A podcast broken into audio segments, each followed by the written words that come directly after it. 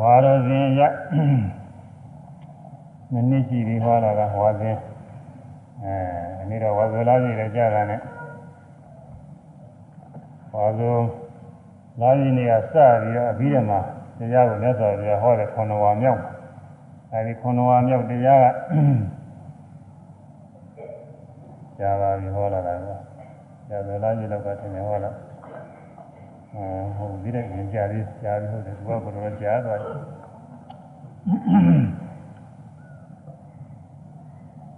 အဲဒါဒီကနေ့ပုဂ္ဂလပညာပါဠိတော်ကပုဂ္ဂလပညာတရားကိုဟောဖို့ရည်ပဲထားပါတယ်။ဓမ္မသင်္ကနီကတချို့ဟောပြီးပြီးဝိပင်းပါဠိတော်ကခန္ဓာဝိပင်းအာယရဏဝိပင်း အဲဒါဟောပြီးပြီးဒိဋ္ဌသမုပ္ပါဝိပင်းလည်းဟောပြီးသိကျင်ဝိပင်းတွေဟောကြရတယ်ရှိတယ်ဒါပေမဲ့လို့အဲဒါဟောနေတာနဲ့အပြီးမှလည်းမကုန်မဲနေလို့လို့ပုဂ္ဂလပညာကလည်းပြောပြီးတော့ဟောရမယ်ကြားတဲ့ဓာတုကရာဆိုတာရှိတယ်ဓာတုကရာဆိုတာကတော့ဓာတ်ခန္ဓာအာယရဏဓာတ်တွေဖြင့်ဝေဘာထားတာပါပဲဒါမဲ့ဓာတုဓာတ်ကများလို့ဓာတုကရာဆိုနာမည်သိထားတယ်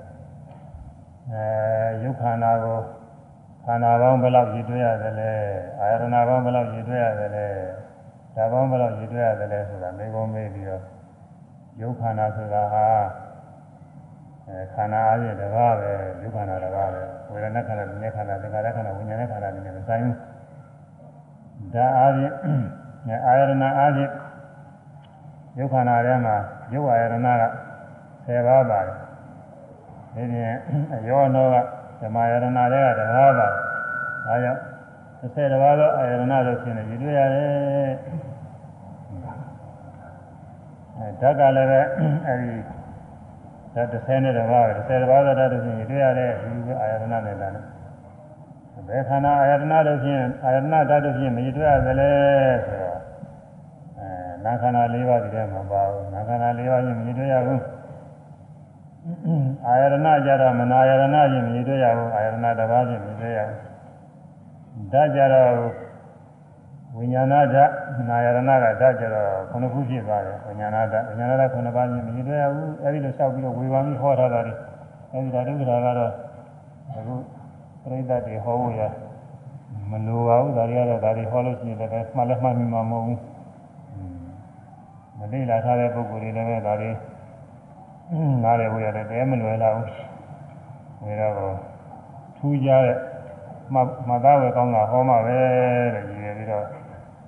သမသင်္ကနီဝီပင်းဓာတုကထာသုံးကြကြော်ပြီးတော့ပုဂ္ဂလပညာဆိုတာ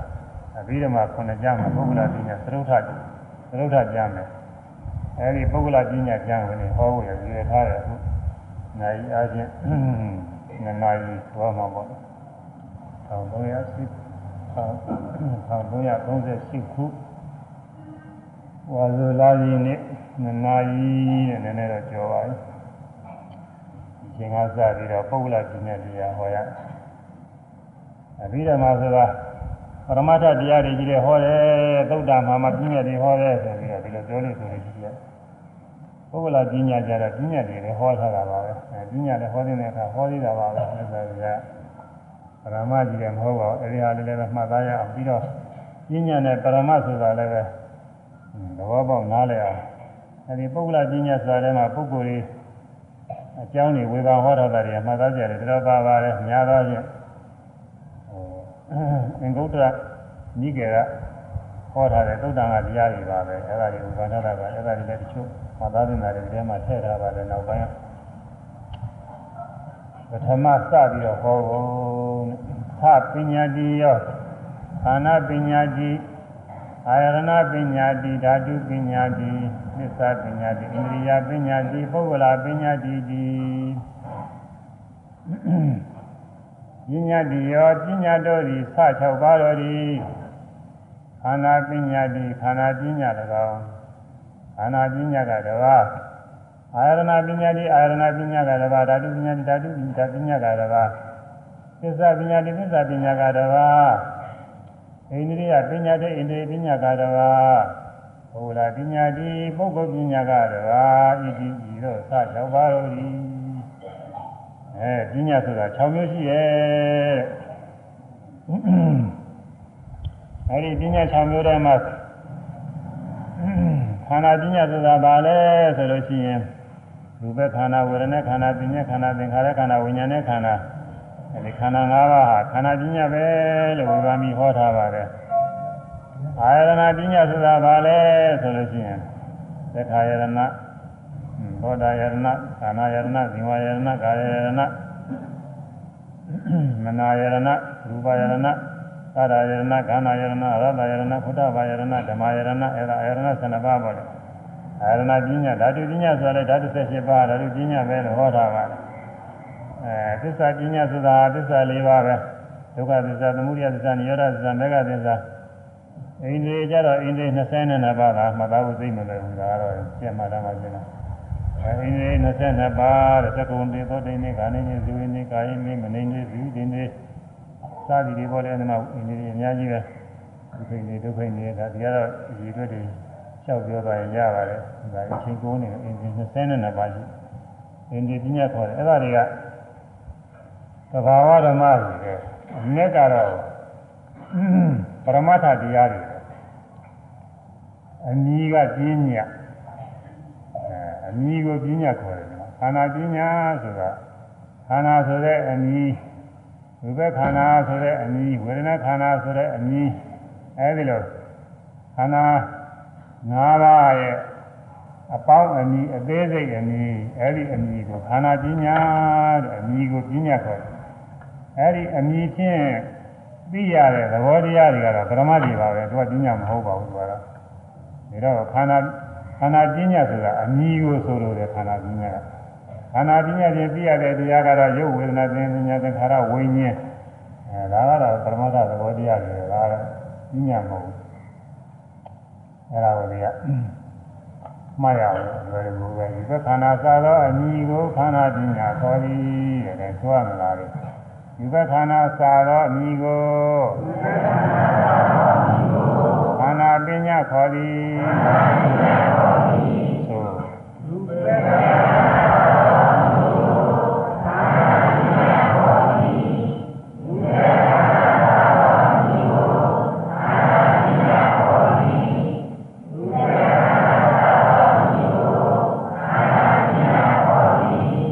အဲဝိပခန္ဓာစသည်ဖြင့်ယုတ်တရားဝေဒ နာပညာသင်္ခါရဝိညာဉ်ဆိုတဲ့သဘောတရားတွေကိုသိစေတဲ့အနည်းခန္ဓာပညာတဲ့ပညာဆိုတာပညာပညာဒီဆိုတာကအပြားအဖြစ်သိစေတဲ့ဒီနေ့စားကြသိစေတတ်တဲ့အနည်းလို့အဓိပ္ပာယ်ရှိတယ်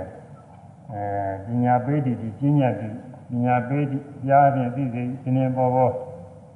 သိစေတယ်ဓာပိတိပြတယ်ထပိတိထားတယ်တဲ့ ပြတယ်သိစေတယ်ပေါ်လွင်စေတယ်အတူတူပါပဲထားတယ်ဆိုတာလည်းပဲသိစေတာကိုကြည့်ပြီးတော့ပြောတာပါပဲအဲဒီအညီဟူသမျှသိစေတာလို့ပြညာဟူရခေါ်သည်ယုတ်တရားနံတရားတို့ဤအညီတွေဟူသမျှအကုန်လုံးပြညာတွေပဲအဲဒီအညီတွေချင်းသိရတဲ့ယုတ်တရားနံတရားသဘောတရားတွေကဒါကပရမတ်တွေနဲ့တွေကပရမအမိကကြီးညဒီလိုမှတ်တာ အဲနောက်တစ်ခုဆိုရမယ်သက္ခာယရဏစာတော့အမိကိုအာယရဏပညာခေါ်သည်အ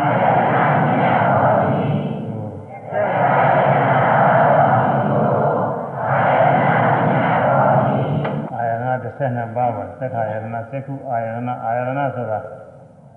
နဲ့တွေကတော့တရားတို့ကြောင်းတို့မျိုးမျိုးရှိပါတယ်ဒါပေမဲ့လို့အကြောင်းလိုပဲ မှတ်ထားရင်ပြည့်စုံပါတယ်အဲနန္တရားဖြစ်ခြင်းအကြောင်းသက္ခုအာယနာမျက်စိမျက်စိအာယနာမျက်စိအကြောင်းဘယ်သူအကြောင်းလို့ဆိုရင်မြင်မြင်သိမှုဖြစ်ခြင်းအကြောင်းမြင်သိမှုဖြစ်ခြင်းအကြောင်းဖြစ်လို့သက္ခုမျက်စိအကြည့်ရုပ်ကိုသက္ခာယနာလို့ခေါ်တယ်သက္ခာယနာဆိုတဲ့သက္ခုပဒါရမျက်စိကြည့်ရုပ်မရှိရင်မမြင်နိုင်ဘူးသူရှိမှမြင်တယ်။နောက်ရူပါယရဏ ရူပါယရဏဆိုတာအရှင်းသူကလည်းအကြောင်းပဲအရှင်းအကြောင်းမြင်တယ်ဆိုတာလည်းအရှင်းမရှိဘဲနဲ့မြင်တော့မရှိဘူး။အဲသက်ခာယရဏရူပါယရဏအဲဒီနှစ်ခုရှိမှမြင်သိမှုဖြစ်နိုင်တယ်မြင်သိမှုဖြစ်ခြင်းအကြောင်းအာယရဏကနှစ်ပါးပဲသက္ကာယရဏနဲ့ရူပယရဏကြားသိမှုဖြစ်ခြင်းအကြောင်းကလည်းသောတာယရဏနဲ့ကာရယရဏအဲနားနဲ့အပံနားရှိမှကြားနိုင်တယ်အတန်ရှိမှကြားနိုင်တယ် အနံ့ကိုနာသိမှုဖြစ်ခြင်းအကြောင်းကလည်းနှစ်ပါးပဲခန္ဓာယရဏနှာခေါင်းယုတ်ခန္ဓာယရဏအနံ့ယုတ်နှာခေါင်းနဲ့အနံ့ရှိမှနာသိမှုဖြစ်နိုင်တယ်အရာကသိမှုဖြစ်ခြင်းအကြောင်းကလည်းနှစ်ပါးပဲသေဝါယရဏနဲ့သာသာယရဏသေဝါဆိုလျှာယုတ်ကလည်းကောင်းနေပါမှာအရာကလည်းရှားပေါ်ကြောက်လာမှာဘယ်မှအရာကလည်းသိနိုင် အဲဒါဇီဝယရဏနဲ့အရဟတယရဏအရာကသိမှုဖြစ်ခြင်းအကြောင်းနောက်တစ်ခုကတွဲထိပ်ပြီးတော့သိမှုဖြစ်ခြင်းအကြောင်းအတွေ့ထိသိမှုဖြစ်ခြင်းအကြောင်းကကာယယရဏနဲ့ဖုဒ္ဓဘာယရဏကာယယရဏကကိုယ်ကြည်ရုပ်တစ်ခုလုံးမှာပြန့်နှံ့ပြီးတော့နေရာတိုင်းမှာရှိနေအဲသူရှိမှသူမရှိလို့ရှိရင်တွေ့ထိတာမသိဘူးတချို့သဘာဝကိုပြည့်နေတာရှိတယ် ကျိုးစိတ်ပိုင်းမှာထုံနေတာပြည့်နေတာချိုးရှိတယ်ထိလို့ထိမှမသိဘူးအဲဒီလိုပါရှိတယ်ကအသားသွေးတွေမကောင်းမှဖြစ်အဲအဲ့ဒီစိတ်ပိုင်းမှာသူသဘာဝယုံမရှိလို့ပဲသာမင်ဆိုလို့ရှိရင်သာမင်ကအရှိကြီးဆိုတော့ရှားပိုင်းမှာအသာတိုင်းနဲ့ဝေးနေတယ်မထီးရှိရင်မသိပါဘူးအဲသာမင်ခေါင်းထဲက ခေါင်းထဲအရေထဲဝင်းနေတဲ့အဲ့ဒီစိတ်တိုင်းမှာတော့သာတိုင်းရှိတယ်အဲ့ဒီအနီးပါလာရှိလို့ရှိရင်လည်းအဲ့ဒီအရင်ပြောင်ရောက်သွားတော့ဒါမှမဟုတ်ထီမှန်းပြီးတယ်ဒါရင်အဖျားပိုင်းအလယ်ပိုင်းလာရှိုံနဲ့ကတော့မသိဘူးအဲ့ဒီသာတိုင်းမရှိဘူးအဲ့ဒီလိုဟာတွေရှိတယ်ကိုယ်ထဲမှာအဲကာယပဒါရကိုကြည်ရုပ်လည်းရှိမှာတွေးထိရေရဖထပါစေတွေးထိပထဝီဉာဏသောအတွေ့အထိနုညံသောအတွေ့အထိအဲရှိပါမှ ဒီသောပူသောအတွေ့အထိဒီသောအတွေ့အထိရှိပါမှဝါရောတောင့်တင်းတာတွန်းကန်တာလှုပ်ရှားတာဒီတွေ့အထိရှိပါမှအဲဒါမှသိသိမှုဖြစ်နိုင်တယ်အဲဒီနဲ့အာရဏ10ပါးကုန်သွားတယ်။ဒါရုပ်အာရဏကြီးတယ်။နာအာရဏတစ်ခုကမနာအာရဏနဲ့ဓမ္မအာရဏမနာအာရဏဆိုတဲ့ဘဝင်စိတ်ဒါလည်းရှိမှနောက်ပြီးတော့ဉာဏ်စိတ်ကြားစိတ်တွေလည်းပဲအာရဏတွေပါပဲ အဲဒီလည်းရှိမှလည်းပဲအသိတွေဖြစ်တယ်ဓမ္မယရဏဆိုတဲ့သဘောတရားအာယုန်လည်းရှိမှဒါကြောင့်အဲဒီသိမှုသိမှုနာတရားတွေဖြစ်ခြင်းရဲ့အကြောင်းဖြစ်လို့ဒါတွေအာယရဏ12ပါးဝေဖန်ပြီးတော့ဟောတာလေအဲဒါအာယရဏပြင်းညတ်အဲဒီအာယရဏသက္ခာယရဏဆိုတော့အမြင်ဖြင့်သိရတဲ့အ내သဘောကတော့မျက်စိကြည့်ရုပ်အ ဆင်းအဆင်းရုပ်နားကြည့်ရုပ်အသံရုပ်စသည်ဒါတွေကပရမသဘောတွေပဲနောက်ဓာတ်ကြတော့လည်းအတူတူပါပဲသက္ခုဓာတ်သောဓာတ်စသည်ချင်းအာယရဏနဲ့ဓာတ်နဲ့ကသဘောချင်းအတူတူပါထူးတာကဘာထူးတော့မနာယရဏဆိုတဲ့နေရာမှာသူကဓာတ်ခုနှစ်ခုဖြစ်လာတယ်သက္ခုဝိညာဏဓာတ်တစ်ခုသောတာဝိညာဏဓာတ်တစ်ခုခန္ဓာဝိညာဏဓာတ်တစ်ခုဇင်ဝဝိညာဏဓာတ်တစ်ခုကာယဝိညာဏဓာတ်တစ်ခုอืมနောနောဓာတ်ကတစ်ခုနောဝိညာဏဓာတ်ကတစ်ခုအလုံးခုနှစ်ခုရှိလာတယ် အဲမနာယရဏနေရာခုနှစ်ခုဒီအင်းဟာသတိညာကတော့သတ္တခုကအတူတူပါပဲအဲဒါနဲ့ပေါင်းလိုက်ရင်အကုန်လုံးမနာယရဏကဖြစ်လာတဲ့စိတ်ဓာတ်ခုနှစ်ခုနဲ့ဉာဏ်နဲ့သတ္တခုနဲ့ပေါင်းတော့18ခုပဲအဲဓာတ်38ပါအဲဒီသက္ခုဓာတ်ရူပဓာတ်သက္ခုဝိညာဏဓာတ်ဒီစုံဒီစုံပေါ့လေအဲဒီအမိတွေတဲ့အဲဒါဓာတုပညာပဲဆိုရမယ် သက္ခုရာသာသာအမိကိုဓာတုပညာခေါ်သည်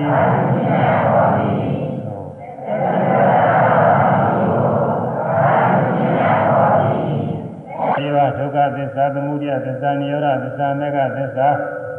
အဲဒီအမိလေးခုအပေါင်းမြည်ကတော့သတုသစ္စာသစ္စာလေးပါးဆိုရအပေါင်းမြည်လည်းပညာပဲတစ်ခုစီတစ်ခုစီဒုက္ခသစ္စာသမုဒယသစ္စာនិရောဓသစ္စာမေဃသစ္စာယမီလေးခုကလည်းပဲ ပညာပဲဒါပေမဲ့ဒီအမိပညာဖြင့်သိရတဲ့အ내သဘောတွေကတော့ပရမတ်တွေ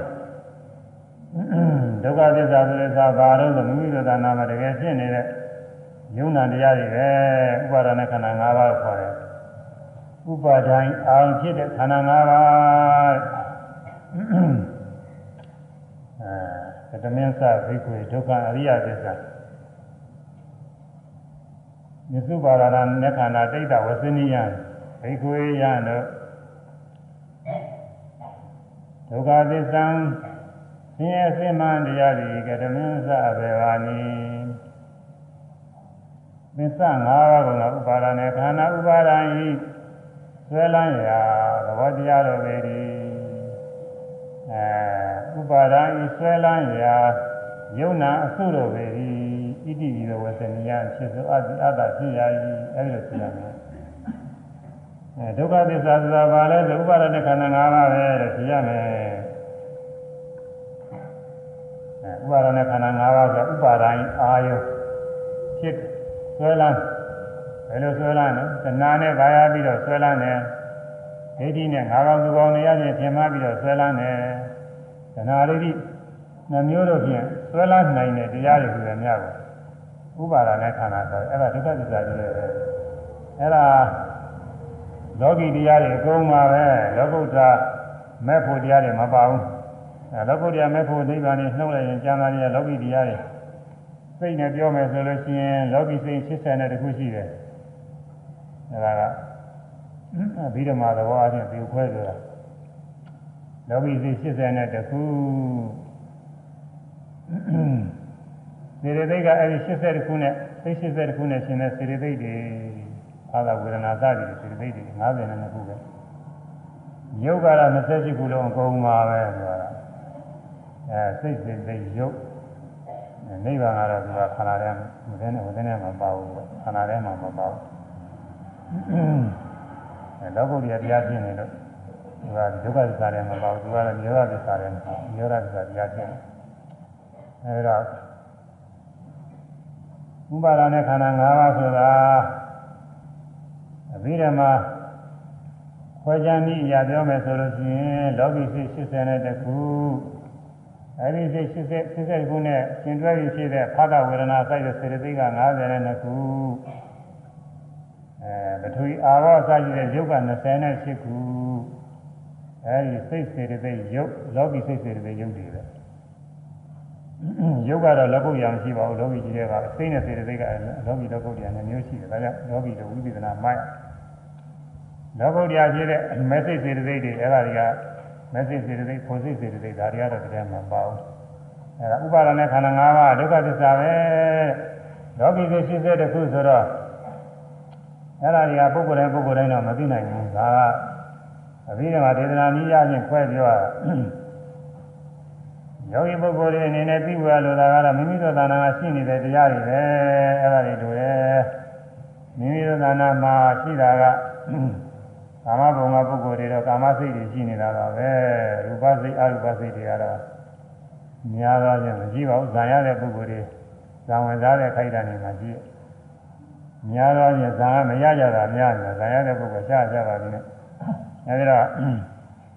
ရူပဝဆရာစိတ်က35ခုအရူပဝဆရာစိတ်က12ခုဆိုတာရှိတယ်အဲအလုံး29ခုမဲကုစိတ်29ခုအဲဒီ29ခုဒီ သာမပုဂ္ဂိုလ်တွေသာနာမှာမရှိဘူးကာမဘုံပုဂ္ဂိုလ်တွေမှာအဲဒီ29ခုနှုတ်လိုက်လို့ရှိရင်ကာမစိတ်က54ခုကျန်တော့ဟောနာ80ခု80ခုထဲမှာ29ခုနှုတ်လိုက်တော့54ခုကျန်နေ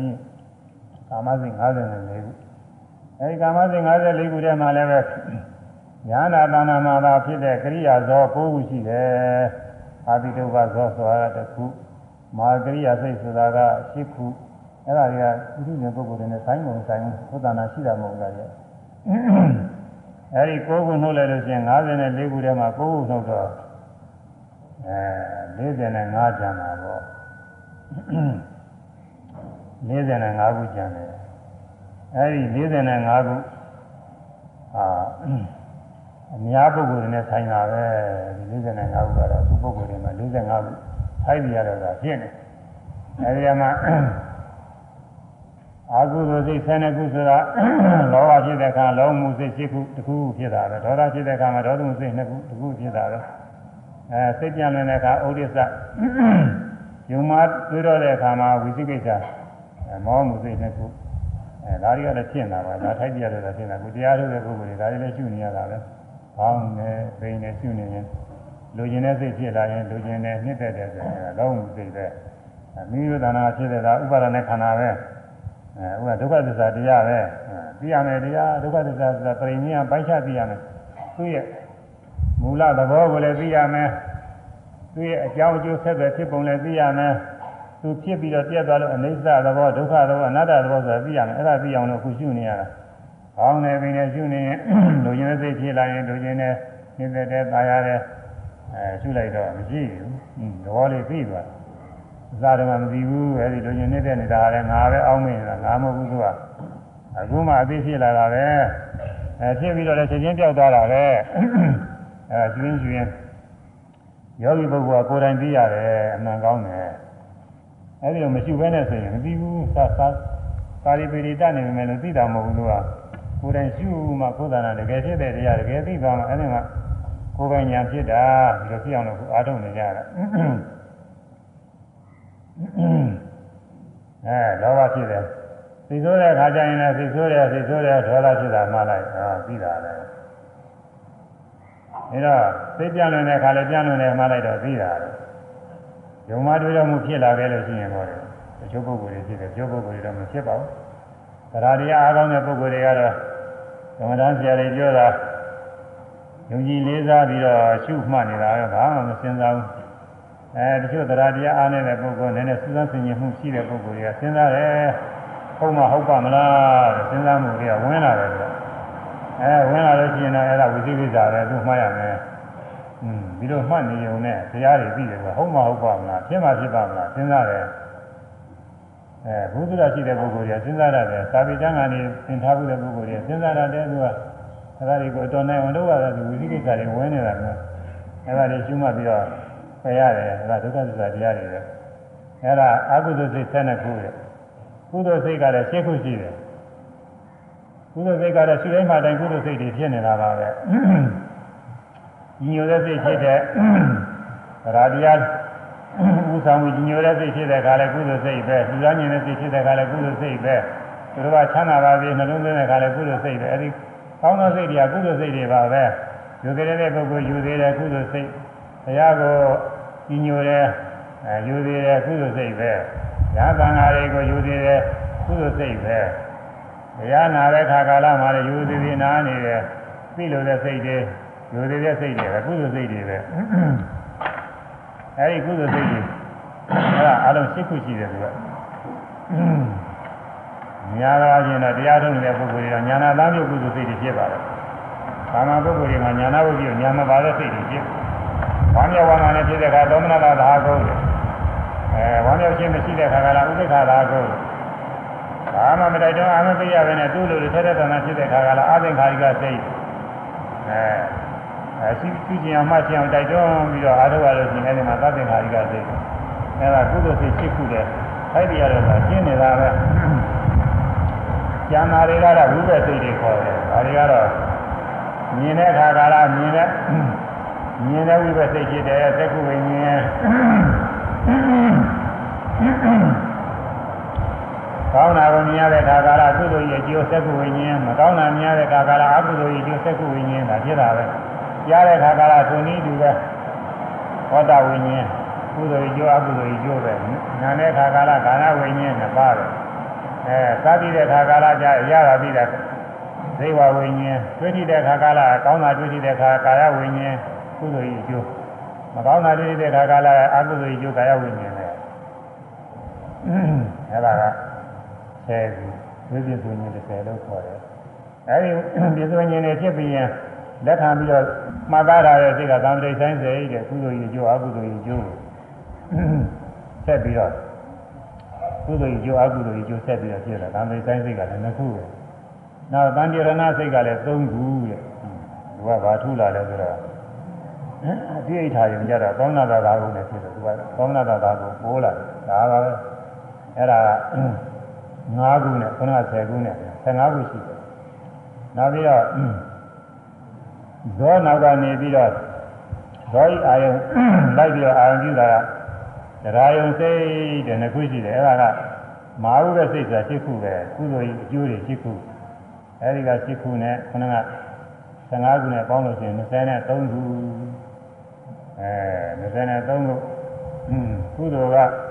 7ခုအကုသိုလ်က12ခုပေါင်းရင်20 20နဲ့23ခုပေါင်းတော့43ခုရှိတယ်နောက်ဝိရိစိတ်စကားသားမှာဆင်ញင်တဲ့စိတ်ကအာဝဇန်စိတ်အာဝဇန်တွေးဆိုရှိတယ်သစ္စာဒွါရဝေဇန်နောရဝေဇန်နဲ့မျက်စိရဲ့ဆင်းကြလာဘာပါလေးနားတဲ့အတန်ကြလာဘာပါလေးစဉ်းစားတယ်အဲစိတ်ကူးတဲ့နဲ့စဉ်းစားတယ်ဒီအာဝဇန်နှစ်ခုထည့်လိုက်တော့45ခု ဒါတွေဟိုဘုဒ္ဓရာရှိတော့မှားသားမှုတဲ့ပုဂ္ဂိုလ်တွေတော့ပြင်းနေပါလေမမှားသားမှုတဲ့ပုဂ္ဂိုလ်ရိပ်မိအောင်လို့ခွန်ကြီးရတယ်ပြောနေတာဒါတွေမသိနိုင်တာတွေမဟုတ်ဘူးခုတရားထုတ်တဲ့ပုဂ္ဂိုလ်တွေဒါတွေအကုန်လုံးသိနေတာကုသနာဖြစ်နေတာတကယ်သိနေတယ်ဒါတွေအဲဒါဒုက္ခသစ္စာတရားတွေပဲဒါစိတ်လောကီစိတ်ဆိုတဲ့နေရာမှာကရိယာဇောတွေနှုတ်ပြီးအဲကာမစိတ် 45ခုအဲ့ဒီစိတ်နဲ့ရှင်သာတွေကစေတသိက်တွေဖသဝေဒနာစသည်တွေရတယ်အဲ့ဒါတွေ52ခုထိုက်တယ်လို့သာသားတဲ့အဲယုတ်ကတော့မိမိတို့သာနာကရှိနေယုတ်တွေပဲမျက်စိယုတ်နားယုတ်နှာခေါင်းယုတ်လျှာယုတ်ကိုယ်ယုတ်အဲဒါကသဒါရယုတ်5ခုပဲနောက်စိတ်တရားဖြစ်တဲ့ဝတ္ထုယုတ်လျှာဝတ္ထုယုတ်လို့ခေါ်တယ်အဲဒီယုတ်ကတစ်ခုနဲ့6ခု အဲနောက်ပြီးတော့ဓာကြီး၄ပါးတဲ့ပထဝီအဘောတည်သောပါရမိမိတို့သာနာရှိနေတာပဲဒါလည်းတွေ့ထိပြီးသိနေတာပဲနောက်ပြီးတော့ဝဏကဏရသဩဇာတဲ့အဲဒါတွေကလည်းရှိနေတာပဲအဲပြီးတော့အဲရုပ်တွေဆက်ကဆက်ကဖြစ်အောင်လို့အားပေးနေတဲ့ရုပ်ဇီဝတိန်တွေတဲ့ဒါလည်းဖြစ်နေတာပဲအဲဒါတွေဝိပဿနာရှုခေါင်းနဲ့ ရုပ်တွေတဲ့ဒါတွေကရုပ်တွေအားလုံး38ခုရှိပါတယ်နိဗ္ဗာန်ရုပ်38ခုသဘာဝရုပ်တွေလည်းခေါ်တယ်အာနိဗ္ဗာန်ရုပ်တွေကတော့ဒီနိဗ္ဗာန်ရုပ်အမှုရာတွေသူကတော့လူလိုပါသားပါတယ်အဲ့ဒါတွေလည်းမြင်နေကြတိုင်းဘာ၆ပါးကသင်္ချာပေါ်နေတဲ့တရားတွေပဲထိုက်တယ်လို့ဆိုတာပေါ်နေတာပဲအဲ့ဒါတွေရှုရတယ်အဲ့ဒါတွေကဥပါဒနဲ့ခန္ဓာ၅ပါးဒုက္ခသစ္စာတရားတွေ ဒုက္ခသစ္စာဆိုတာကအမြင်ပညာဒုက္ခသစ္စာဆိုတဲ့အမြင်ဖြင့်သိရတဲ့အ내သဘောတွေကတော့အာပရမတရားတွေပဲအဲဒုက္ခသစ္စာအစ်စ်တွေဆင်းရဲအစ်စ်အဲဘာတွေတော့ဆိုလို့ရှိရင်အခုဥပဒနာရှုနေတဲ့တရားတွေပဲမြင်နေကြတဲ့ထင်ရှားနေတဲ့တရားတွေမြင်တာကြားတာနာနာစသည်နဲ့တွေ့ရှိတာကိုယ်သာဆန်းတာထိုင်တာထားတာသွားတာလာလှုပ်ရှားတာစိတ်ကူးစဉ်းစားကြံစီတာသင်ကြားပေါ်တဲ့တရားတွေအကုန်လုံးရှုမှတ်နေတာအဲဒီရှုမှတ်ရတဲ့တရားတွေကဒုက္ခသစ္စာတွေပဲ အဲဒါတွေမရှုမှတ်နိုင်လို့ရှိရင်ဖြင့်အဲနှိမ့်သက်သာယာပြီးတော့လည်းဆွဲလန်းတယ်ပုဂ္ဂိုလ်သတ္တဝါနဲ့လည်းဆွဲလန်းတယ်ဒါကြောင့်ဥပါဒာနဲ့ခန္ဓာလို့ဆိုတယ်ဥပါဒိုင်းအောင်ဖြစ်တယ်တဲ့အဲယုတ်တရားတွေလည်းဆွဲလန်းတယ်ယုတ်ဥပါဒာနဲ့ခန္ဓာအဲဒီတည်းဝေဒနာလည်းပါတာပဲတဲ့အကောင်းဆုံးဝေဒနာလည်းဝေဒနာဥပါဒာနဲ့ခန္ဓာပညာမှတ်သားမှုလည်းပါပညာဥပါဒာနဲ့ခန္ဓာဝိညာဉ်စိတ်ဆိုတာကလည်းပါတယ်ဝိညာဉ်ဥပါဒာနဲ့ခန္ဓာအဲဒီတော့စေရနာအစရှိတော့ ပြုလုပ်တတ်တဲ့တရားတွေပြုပြင်တတ်တဲ့တရားတွေကအဲဒါစေတသိက်တွေ90ရှိပါတယ်အဲသင်္ခါရဥပါဒနဲ့ခန္ဓာတဲ့အဲဒါတွေကလောဘဒေါသမောဟအလောဘဒေါသအမောဟဒီလိုတရားတွေလည်းရှိတယ်သရာတတိစကြတဲ့တရားတွေလည်းရှိတယ်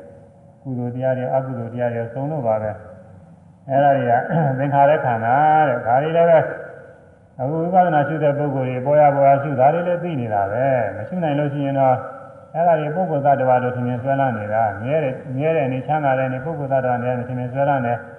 နှိမ့်သက်သာယာပြီးတော့ဆွဲလန်းတယ်အဲ့ဒီလိုဆွဲလန်းနိုင်လို့ဒါတွေဥပါဒနဲ့ခန္ဓာလို့ခေါ်တယ်အဲ့ဒါဥပါဒနဲ့ခန္ဓာ၅ပါးဒုက္ခသစ္စာဟုခေါ်သည်ဒါပြီးတဲ့ပြီးလိုက်တာကိုဘုညာဒါလေးအထူးပြောရတယ်မှန်ကတော့ဒုက္ခသစ္စာဆိုတဲ့အမိပညာဒါလေးတွေမှာပဲပညာဟုတ်ဒီဟုတ်လားပညာကသိစီလို့ကတော့ ဒုက္ခသစ္စာဆိုတာကအမိပညာဒုက္ခသစ္စာဆိုတဲ့အမိဖြင့်ပြအသိစေအပ်တဲ့အ내သဘောကပရမတရားဘာတွေတုံးဆိုဥပါဒနဲ့ခန္ဓာ၅ပါးပဲအဲအခုယောဂီပုဂ္ဂိုလ်တွေနေရာမြင်နိုင်ကြတဲ့ဓဝါ၆ပါးကသင်ကြားဖြစ်ပေါ်နေတဲ့တရားတွေပရိညေယပိုင်းခြားသိရမယ်တရားတွေဒုက္ခသစ္စာပရိညေယ ဒုက္ခသစ္စာဒုက္ခသစ္စာတရားဆင်းရဲဆင်းမှတရားကိုပရိညေယပိုင်းခြား၍သိရမည်ပိုင်းခြားသိအောင်လို့ပဲခုရှုနေရတာမြင်နိုင်ကြတယ်မရှုဘဲနဲ့တရားပိုင်းခြားပြီးမသိနိုင်ဘူးရှုရတယ်ကွာအဲဒီဒုက္ခသစ္စာတရားတွေမြင်နိုင်ကြတိုင်းဓဝါ၆ပါးကသင်္ချာဖြစ်နေတဲ့တရားတွေဒုက္ခသစ္စာခေါ်သည်အဲဒါပဂတိပုဂ္ဂိုလ်တွေနေရာမြင်နိုင်ကြတဲ့ဖြစ်နေတာတွေဆင်းရဲလို့ပဲထင်မလို့ဒါတွေချမ်းသာလို့ထင်နေတာအဲ့ဒါတွေဆွဲလာနေတာပဲဥပါဒံဖြစ်နေတာတရား ဆင်းရဲလို့ဟောတယ်လေဆင်းရဲအစ်စ်ဒီသာမန်ပုဂ္ဂိုလ်တွေကဘယ်နဲ့ဆင်းနေလဲဆိုချမ်းသာတွေထင်နေမြင်လို့ကောင်းတာလေးတွေကြားလို့ကောင်းတာလေးတွေနားလို့စားပြီးလို့ဒုတိလို့ကောင်းတာတွေအများကြီးရှိတယ်ဟောကောင်းနေတယ်အဲ့ဒါကြီးချမ်းသာတယ်မှန်တယ်အမှန်စင်စစ်ကတော့အဲ့ဒီကောင်းတယ်ဆိုတာတွေလည်းဖြစ်ပြနေလို့ကဆင်းရဲကြီးတယ်ပဲ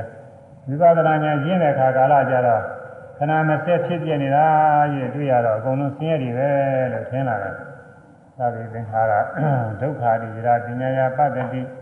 သာနေတိဒုက္ခေဣဒမေကဝိသုရိယသာဝေအလုံးစုံသောသင်္ခါရသင်္ခါရတရားတို့သည်ဒုက္ခဆင်းရဲတို့သည်ဣတိဤရာယင်္ခါကာလနဲ့ပညာယဝိပဿနာဉာဏ်မြတ်ပတ္တိတွေ့မြင်လေယောဂီပုဂ္ဂိုလ်ကကျွမှနေတော့မြင်ရည်ပဲလို့မြင်လာတယ်ဒါကစမြင်လို့ဆိုသမထနာဉာဏ်ကစပြီးတော့မြင်မှာဒါပေမဲ့မတန်သေးဘူးဥရိယပြဉာဏ်နဲ့မြင်တယ်အာမကောင်းနေဘူးဘင်္ဂဉာဏ်ကြလို့ရှိရင်တော့အာကောင်းလာပြီအဲဒီကနောက်ဘေယအာရိနဝနေပြီနာတွေဘ င်္ဂဉာဏ်ကအပြည့်ကြီးတဲ့မြင်လာတော့ဘုရားမဆိုပြည့်သွားဘုရားမဆိုပြည့်သွားဘုရားမဆိုပြည့်သွားဆင်းရဲကြီးတယ်ပဲဘာမှကောင်းတာတွေမရှိဘူးအဲအခု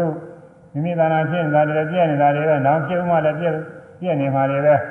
ဒီဘုရားလိုပဲနောက်ဘဝတွေတော့ဒီလိုပြည့်နေမှာတွေပဲနတ်ပြည်ဆိုတဲ့အဲနတ်ပြည်ရောက်ပြီးနတ်ဖြစ်နေတဲ့နတ်သားနာသမီးဖြစ်နေဆိုတော့ဒီလိုပြည့်နေမယ်တရားတွေပဲအဲဆင်းရဲကြီးရပဲဘယ်မှသိတဲ့ပြတာကြီးအာကိုကြမရှိဘူးလို့ အဲဒီလိုကိုယ်ပိုင်ညာဖြင့်သိရမှာဒီလိုသိအောင်လို့ရှုနေရတာအဲဒီလိုသိမှအဲဒီလိုဆင်းရဲတွေမြင်မှနိဗ္ဗာန်ညာဖြစ်တယ်ဒါပေမဲ့ငါဒုက္ခယရာပညာယပတ္တိတဲ့အဲသင်္ကညာဝိပဿနာပညာဖြင့်သင်္ချာချာသိရ၏အထထိုသောသိဉ္ဇသောခါကာလ၌ဒုက္ခေဆင်းရဲတရား၌နိဗ္ဗာန်တည်းမပြောမမှုညင်းငွေတွေတော့ဤညင်းငွေရမှာ အခုဗဂရိလူတွေကပဲညင်းငွေတွေမှာတော့ပြောနေတာဒီဥစ္စာတွေသဘောကျဝိပဿနာရှုပါတာပုဂ္ဂိုလ်လည်းမညင်းငွေသေးဘူးသင်္ကညာတာမန်ကြီးဖြစ်လာမှခဏမစက်ပြည့်နာကြီးတွေ့ရတော့အခုလည်းပဲပြည့်နာပဲနောင်လည်းပြည့်မှာပဲနောက်နောက်သောဘဝတွေလည်းရှိရှိနေလို့ချင်းပြည့်နေမှာဘယ်မှာပြည့်တဲ့စရာအားအားကိုးစရာမရှိဘူးလို့ကိုယ်ပိုင်ညာဖြင့်သဘောပေါက်ပြီးသိရမှာအဲဒီလိုပြီးတော့မှမြင်ရည်ကြီးတယ်ပဲမြင်လာ မြင်တော့နေပင်နဲ့ဒီညီးငွေကြီးတဲ့မြင်လာလည်းပဲညီးငွေစရာပဲပြောကြမကောင်းရတာလည်းညီးငွေစရာပဲနာနာသာတိတာတွေ့ထိတာကိုယ်သာသနာထိုင်တာထားတာသွားတာလာတာပြောတာဆိုတာအဲလုတ်ကိုင်တာအကုန်လုံးခဏတည်းပြည့်နေတာရတွေ့ရတော့ညီးငွေတယ်အဲရုပ်တရားအပေါ်မှာလည်းညီးငွေတယ်ဝေဒနာလည်းညီးငွေပညာလည်းညီးငွေ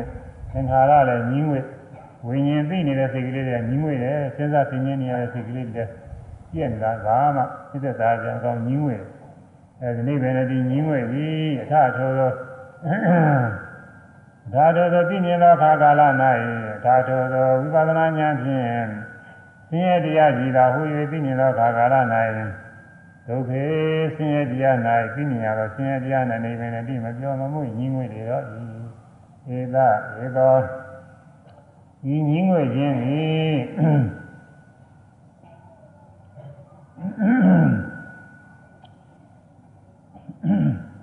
ဧသာဧသောဤညီးငွေခြင်းသည်အဲဒါကဧသမေကဝိသုရိယဝိသုရိယဝိသုရိယကိလေသာအညစ်အကြေးမှကင်းဝေးစင်ကြယ်သောနိဗ္ဗာန်တရား၏မေကောအကြောင်းလမ်းမေရီ ယောက်ျောင်းလမ်းမေရီအဲဒီလိုညီးငွေလာရင်သာဝိသုရိခေါ်တဲ့နိဗ္ဗာန်ရောက်ဖို့ရပဲတဲ့လမ်းစာပွင့်လာတာပဲဒီလိုမသိရင်နိဗ္ဗာန်မရောက်နိုင်ဘူးအမြင်နဲ့ကြားရင်ဓဝါ၆ပါးဖြစ်ဖြစ်ဒီအကုန်လုံးမြင်ပြီးတော့နေမှာဒါမှညီးငွေညီးငွေမှသူကဒါတွေကိုဆွန့်လွတ်ခြင်းလာမှာကိုဆွန့်လွတ်ခြင်းလာမှာဆွန့်လွတ်နေအောင်အားထုတ်ပြီးတော့အဲနိဗ္ဗာန်ကိုမျက်မှောက်ပြုနိုင်မယ်တဲ့ဒါကြောင့် နိဗ္ဗာန်မျက်မှောက်ပြုခြင်းရဲ့အကြောင်းဖြစ်တော့နိဗ္ဗာန်ရဲ့လမ်းဝိသုဒ္ဓိမေကဆိုတာဒါပဲဝိသုဒ္ဓိမေကျမ်းဆိုတာပြောနေတာဒါကိုသူကဖွင့်ပြတာဝိသုဒ္ဓိမေကနိဗ္ဗာန်ရောက်ကြောင်းဖြစ်တဲ့အကျင့်လားနေဖွင့်ပြတာအဲ့ဒါအိဋ္ဌလုံးမြင်လာလည်းရှိတယ်အနတ္တလို့မြင်တာလည်းရှိတယ်အတူတူပါပဲအနိစ္စမြင်ဒုက္ခအနတ္တမြင်တာပဲအနတ္တမြင်လည်းအနိစ္စဒုက္ခမြင်တာပဲ အဲဒီလိုမြင်အောင်လို့ဥပါဒณะခန္ဓာ၅ပါးတရားတွေမြင်နေကြတိုင်းနေရှုနေရတယ်တဲ့ဒါယောဂီပုဂ္ဂိုလ်တွေအတွက်ကိုလုံနေရတာဘယ်အတွက်အားထုတ်နေရတာပဲဘာတွေသိနေရတာပဲဘာတွေသိဖို့ရလိုတာပဲသိအောင်အားထုတ်ရမှာပဲဆိုတော့သဘောပေါက်အောင်လို့ဘုန်းကြီးကဒီမှာအဲဒုက္ခသစ္စာပြင်းညံနေရမှာဒုက္ခသစ္စာမြည်တဲ့တရားတွေသိအောင်အားထုတ်ဖို့အားထုတ်နည်းတွေရောကိုထည့်ပြီးတော့ပြောနေရတာမှန်စကားကတော့ ဒီဒီဒေသနာရကတော့ဒုက္ခသစ္စာဆိုတာကအမြင်အဲဒုက္ခသစ္စာဆိုတဲ့အနည်းဖြင့်သိရတဲ့ဥပါဒณะခန္ဓာ၅ပါးဆိုတဲ့သဘောတရားတွေကတော့ပရမတရားအဲ့ဒါနားလည်ဖို့ပါပဲဒါ။နောက်သမုဒိယသစ္စာသမုဒိယသစ္စာဆိုတာတဏှာပဲ။ဘုရားကဒုက္ခတွေဒုက္ခမထင်ရင်သမုဒိယဖြစ်နေတာတွေ့ရနေတာဒါလေးကိုမလွတ်နိုင်ဘူး။ဆောက်ကင်ထားတယ်လို့ဖြစ်နေတော့ကြောင့်တကွာကပြင်တကွာပြီးတကွာပြီးတကွာဖြစ်နေတယ်။ အဲဒါဆင်းရဲကြောင်းတရားပဲ။အဲသမုဒယသစ္စာဆိုတာကအမိပြင်းညမြင့်တဲ့ကာယမှုတဏှာဆိုတဲ့သဘောကအဲဒါပရမတ်တရားတဲ့သမုဒယသစ္စာဆိုတဲ့အမိချင်းသိရတဲ့ပရမတ်တရားနိရောဓသစ္စာဆိုတာကအမိပြင်းညနိရောဓသစ္စာဆိုတဲ့အမိဖြင့်သိရတဲ့နိဗ္ဗာန်တရားယုံနာသင်္ခါရတွေအကုန်လုံး ချုပ်ငင်းကင်းစိတ်တဲ့သဘောကအဲ့ဒါက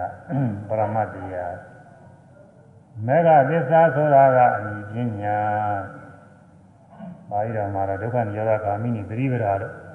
အမိအရှိကြီးလုပ်တယ်အဲသက္ကရာတွေပါလေကြတော့သူတို့ပဲမေဃသစ္စာလို့သူတို့နာမည်ပေးတယ်မေဃသစ္စာဆိုတာကအမိပညာမေဃသစ္စာဆိုတာဘာတော့မေဃရှိပါတရားပဲလောကီမေခင်ရှိတယ်လောကုတ္တရာမေခင်ရှိတယ် အဲလောကီမဂ်ခင်ကစပြီးတော့အားထုတ်ရတယ်လောကီမဂ်ခင်ကရင့်တန်ပြည့်စုံတဲ့အခါလောကုတ္တရာမဂ်ခင်ဖြစ်တယ်အခုရှူတိုင်းရှူတိုင်းလောကီမဂ်ခင်နေဖြစ်နေတာမြင်နာကြတာတွေဓွား၆ပါးပေါ်တိုင်းပေါ်တိုင်းရှုမှတ်မိအောင်ကြောင်းညာဆိုင်သေးနေတာသမာဝါယာမမဂ်ခင်ခေါ်တယ်။ဖောင်းတာပိန်တာထိုင်တာထိတာပေါ်တိုင်းပေါ်တိုင်းမပြတ်ရှုမိအောင်မှတ်မိအောင်ကြောင်းညာဆိုင်သေးတယ်သမာဝါယာမမဂ်ခင်မှားရတာကသမာဓိ မမိတဲ့အာယုံကသိကလေးကကနဲ့ကကနဲ့တီးတီးသွားတယ်ဒါလေးကအမှကလေးကောင်းလာမှသိတယ်မကောင်းရင်မသိသေးဘူးသမာသမာဓိအဲသမာဓိဖြစ်တဲ့ခါကလာမှမိတဲ့အာယုံကိုဗမင်းချရပြီးတယ်သမာဓိတိဗမင်းချရပြီးအောင်လို့သိဦးညုပ်ပေးတာသမာသင်္ကပ္ပမဲခင်၅ပါးသမာဝါစာသမာကမ္မန္တသမာဓိဝဆိုသီလမဲခင်ကတော့သီလစင်ကြဲနေကြတဲ့သောသောတွေကပြည့်စုံလာအလုံးကောင်းရင်မဲခင်7ပါးပဲမှတ်တိုင်းမှလည်းမဲခင်7ပါးတွေပွားနေတယ်ဘာဝိတကတရား မေဃသစ္စာဘာဝိတဗံမေဃသစ္စာမေဃသစ္စာတရားကိုဘာဝိတဗံမိမိသာနာနဲ့ဖြစ်ပွားစေရ၏နိဗ္ဗာန်မဲ့ဖို့လူရှိတဲ့ပုဂ္ဂိုလ်မိမိသာနာမေဃသစ္စာတရားဖြစ်ပွားတယ်ကျေဥစွာအဲ့ဒီလောကီဝိပဿနာမေဃစပြီးပွားတာခုမြင်နေကြတဲ့ဓဝါ၆ပါးပေါ်တိုင်းပေါ်တိုင်းရှုပြီးတော့နေတာဟာအဲ့ဒီမေဃသစ္စာတရားတွေပွားနေတာပဲဝိပဿနာတရားတွေပွားနေတာစကားကတော့ဝိပဿနာအသိမထူးထူးခြားဖြစ်သေးပါဘူး သမာဓိအားကောင်းလာတဲ့အခါကျမှအဲဒီကြတော့မှစိတ်တဝိသုဒ္ဓိဖြစ်ပြီးတော့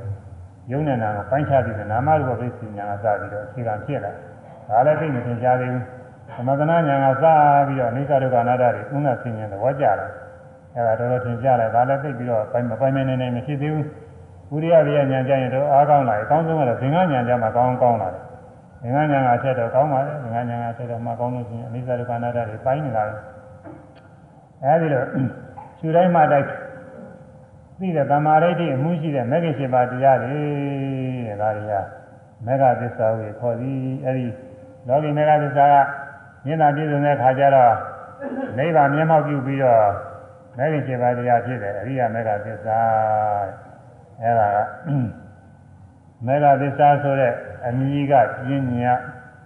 မေဃသစ္စာဆိုတဲ့အမည်ချင်းသိရတဲ့မဂ္ဂင်7ပါးတရားမိမိတို့သာနာတကယ်ဖြစ်တဲ့တရားတွေကိုစာတွေကရေးထားတာတွေပြောတာမဟုတ်ဘူး။သမာဓိဋ္ဌိသမာသင်္ကပ္ပဒီလိုအမည်တွေမဟုတ်ဘူး။ကိုယ်သာနာတကယ်ဖြစ်သွားတာမှမှာ။ခြေတိုင်းခြေတိုင်းဟာ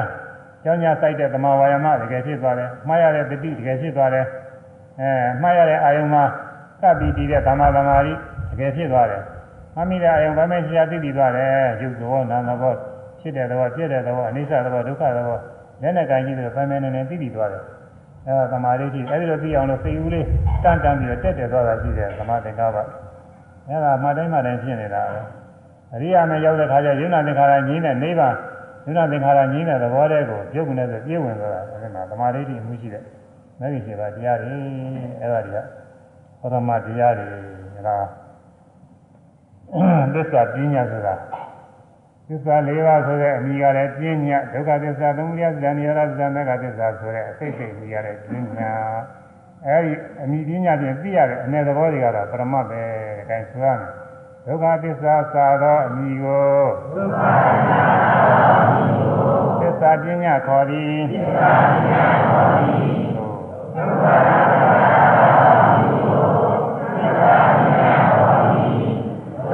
အိန္ဒြေ ပညာတဲ့သက္ကုံတွေသောဒိန်တွေစသည်ဖြင့်22ခုရှိပါတယ်ဒါတွေတော့မှတ်မိမှာမလို့ဘုန်းကြီးပြန်မပြောပါဘူးအချိန်နဲ့ကိုးနေမယ်တော့ပြောကြရတယ်အများကြီးရှိတယ်သက္ကုံတွေသောဒိန်တွေစသည်ဖြင့်ပသာရအိန္ဒြေ၅ပါးအာပြီးတော့ဇီဝိတ္တိန္ဒြေမနိန္ဒြေပြီးတော့ဝေဒနာဣန္ဒြေကဒုက္ခိနေဒုက္ခိနေသောမနာသိဒေါမနာသိန္ဒြေ ဝိခိန္ဒြေဆိုဝေဒနာဣန္ဒြေက၅ပါးရှိတယ်ဝေဒနာကဝေဒနာတစ်ခုတည်းကတော့၅ခုရှိတယ်ဣန္ဒြေနောက်ပြီးတော့ကုသိုလ်တရားနဲ့စတဲ့ဝိပဿနာတရားနဲ့စတဲ့တတ္တိန္ဒြေဝိရိယန္ဒြေသတိန္ဒြေသမာဓိန္ဒြေပညာန္ဒြေဒီကလည်း၅ခုရှိတယ်ဣန္ဒြေ၅ပါးအဲပညာန္ဒြေကနေပြီးတော့လောကီပညာန္ဒြေဒီလောကုတ္တရဘက်ကနေပြီးမြညာပညာတာပညာန္ဒြေအငြိန္ဒြေအညတဝိန္ဒြေတို့ဒီကတော့သုံးခုရှိတယ်အကုန်လုံးစုစုပေါင်းလိုက်လို့ရှိရင်အလုံး22ပါးရှိပါတယ် အဲဒီ22ပါးအိန္ဒြေအမည်တွေကပညာအဲဒီပညာဖြင့်သိရတဲ့သက္ကုပ္ပဒါရယုတ်စသည်တွေကတော့ဒါကပရမသဘောတွေဆိုရမယ်သက္ကုံဒေသာသောအမည်ကိုသက္ကုံဒေသာသောအိန္ဒြေပညာခေါ်၏အိန္ဒြေပညာခေါ်၏ဆိုရမယ်သက္ကုံဒေသာ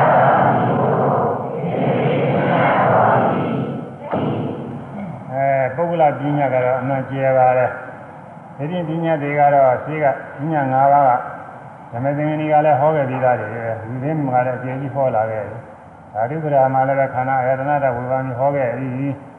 ဟိုဟောတယ်များလာပြီအဲ့ဒီအဲ့ဒီပညာ၅ခုကတော့အဲပုဂ္ဂလပညာဆိုတာကတော့ရှိဓမ္မသင်္ကနီကျမ်းဝိပင်းကျမ်းဓာတုပရာကျမ်းနေမှာပုဂ္ဂလပညာမဟောရသေးဘူးဒါကြောင့်မို့ဒီမှာပုဂ္ဂလပညာတွေအကျယ်ဟောတယ်ဒါကြောင့်ဒီကျမ်းကိုပုဂ္ဂလပညာဆိုပြီးညီပေးထားတယ် သမယဝိမု ക്ത အာသမယဝိမု ക്ത အဲဒီတစ်ပါးချင်းတစ်ပါးချင်းအမည်တွေသူကအများကြီးပါပဲဒါတွေအကုန်လုံးထုတ်ပြောနိုင်ဘူးထုတ်ပြောနေပြီးမှမဟုတ်အဲဒီကမှတ်သားဖို့ရကောင်းတဲ့ဟာလေးပဲထုတ်ထားပါတယ်ကုထုဇင်အရိယာသောတာပန်သာသောအမည်ကိုပုဂ္ဂလပညာခေါ်သည်အဲဒါလေးတွေပဲသုမပဲသမယဝိမု ക്ത သမယဝိမု ക്ത ကုထုဇင်အရိယာကုထုဇင်အရိယာသောတာပန်သာသောအမည်ကို ပုဂ္ဂလပညာခေါ်သည်သမယ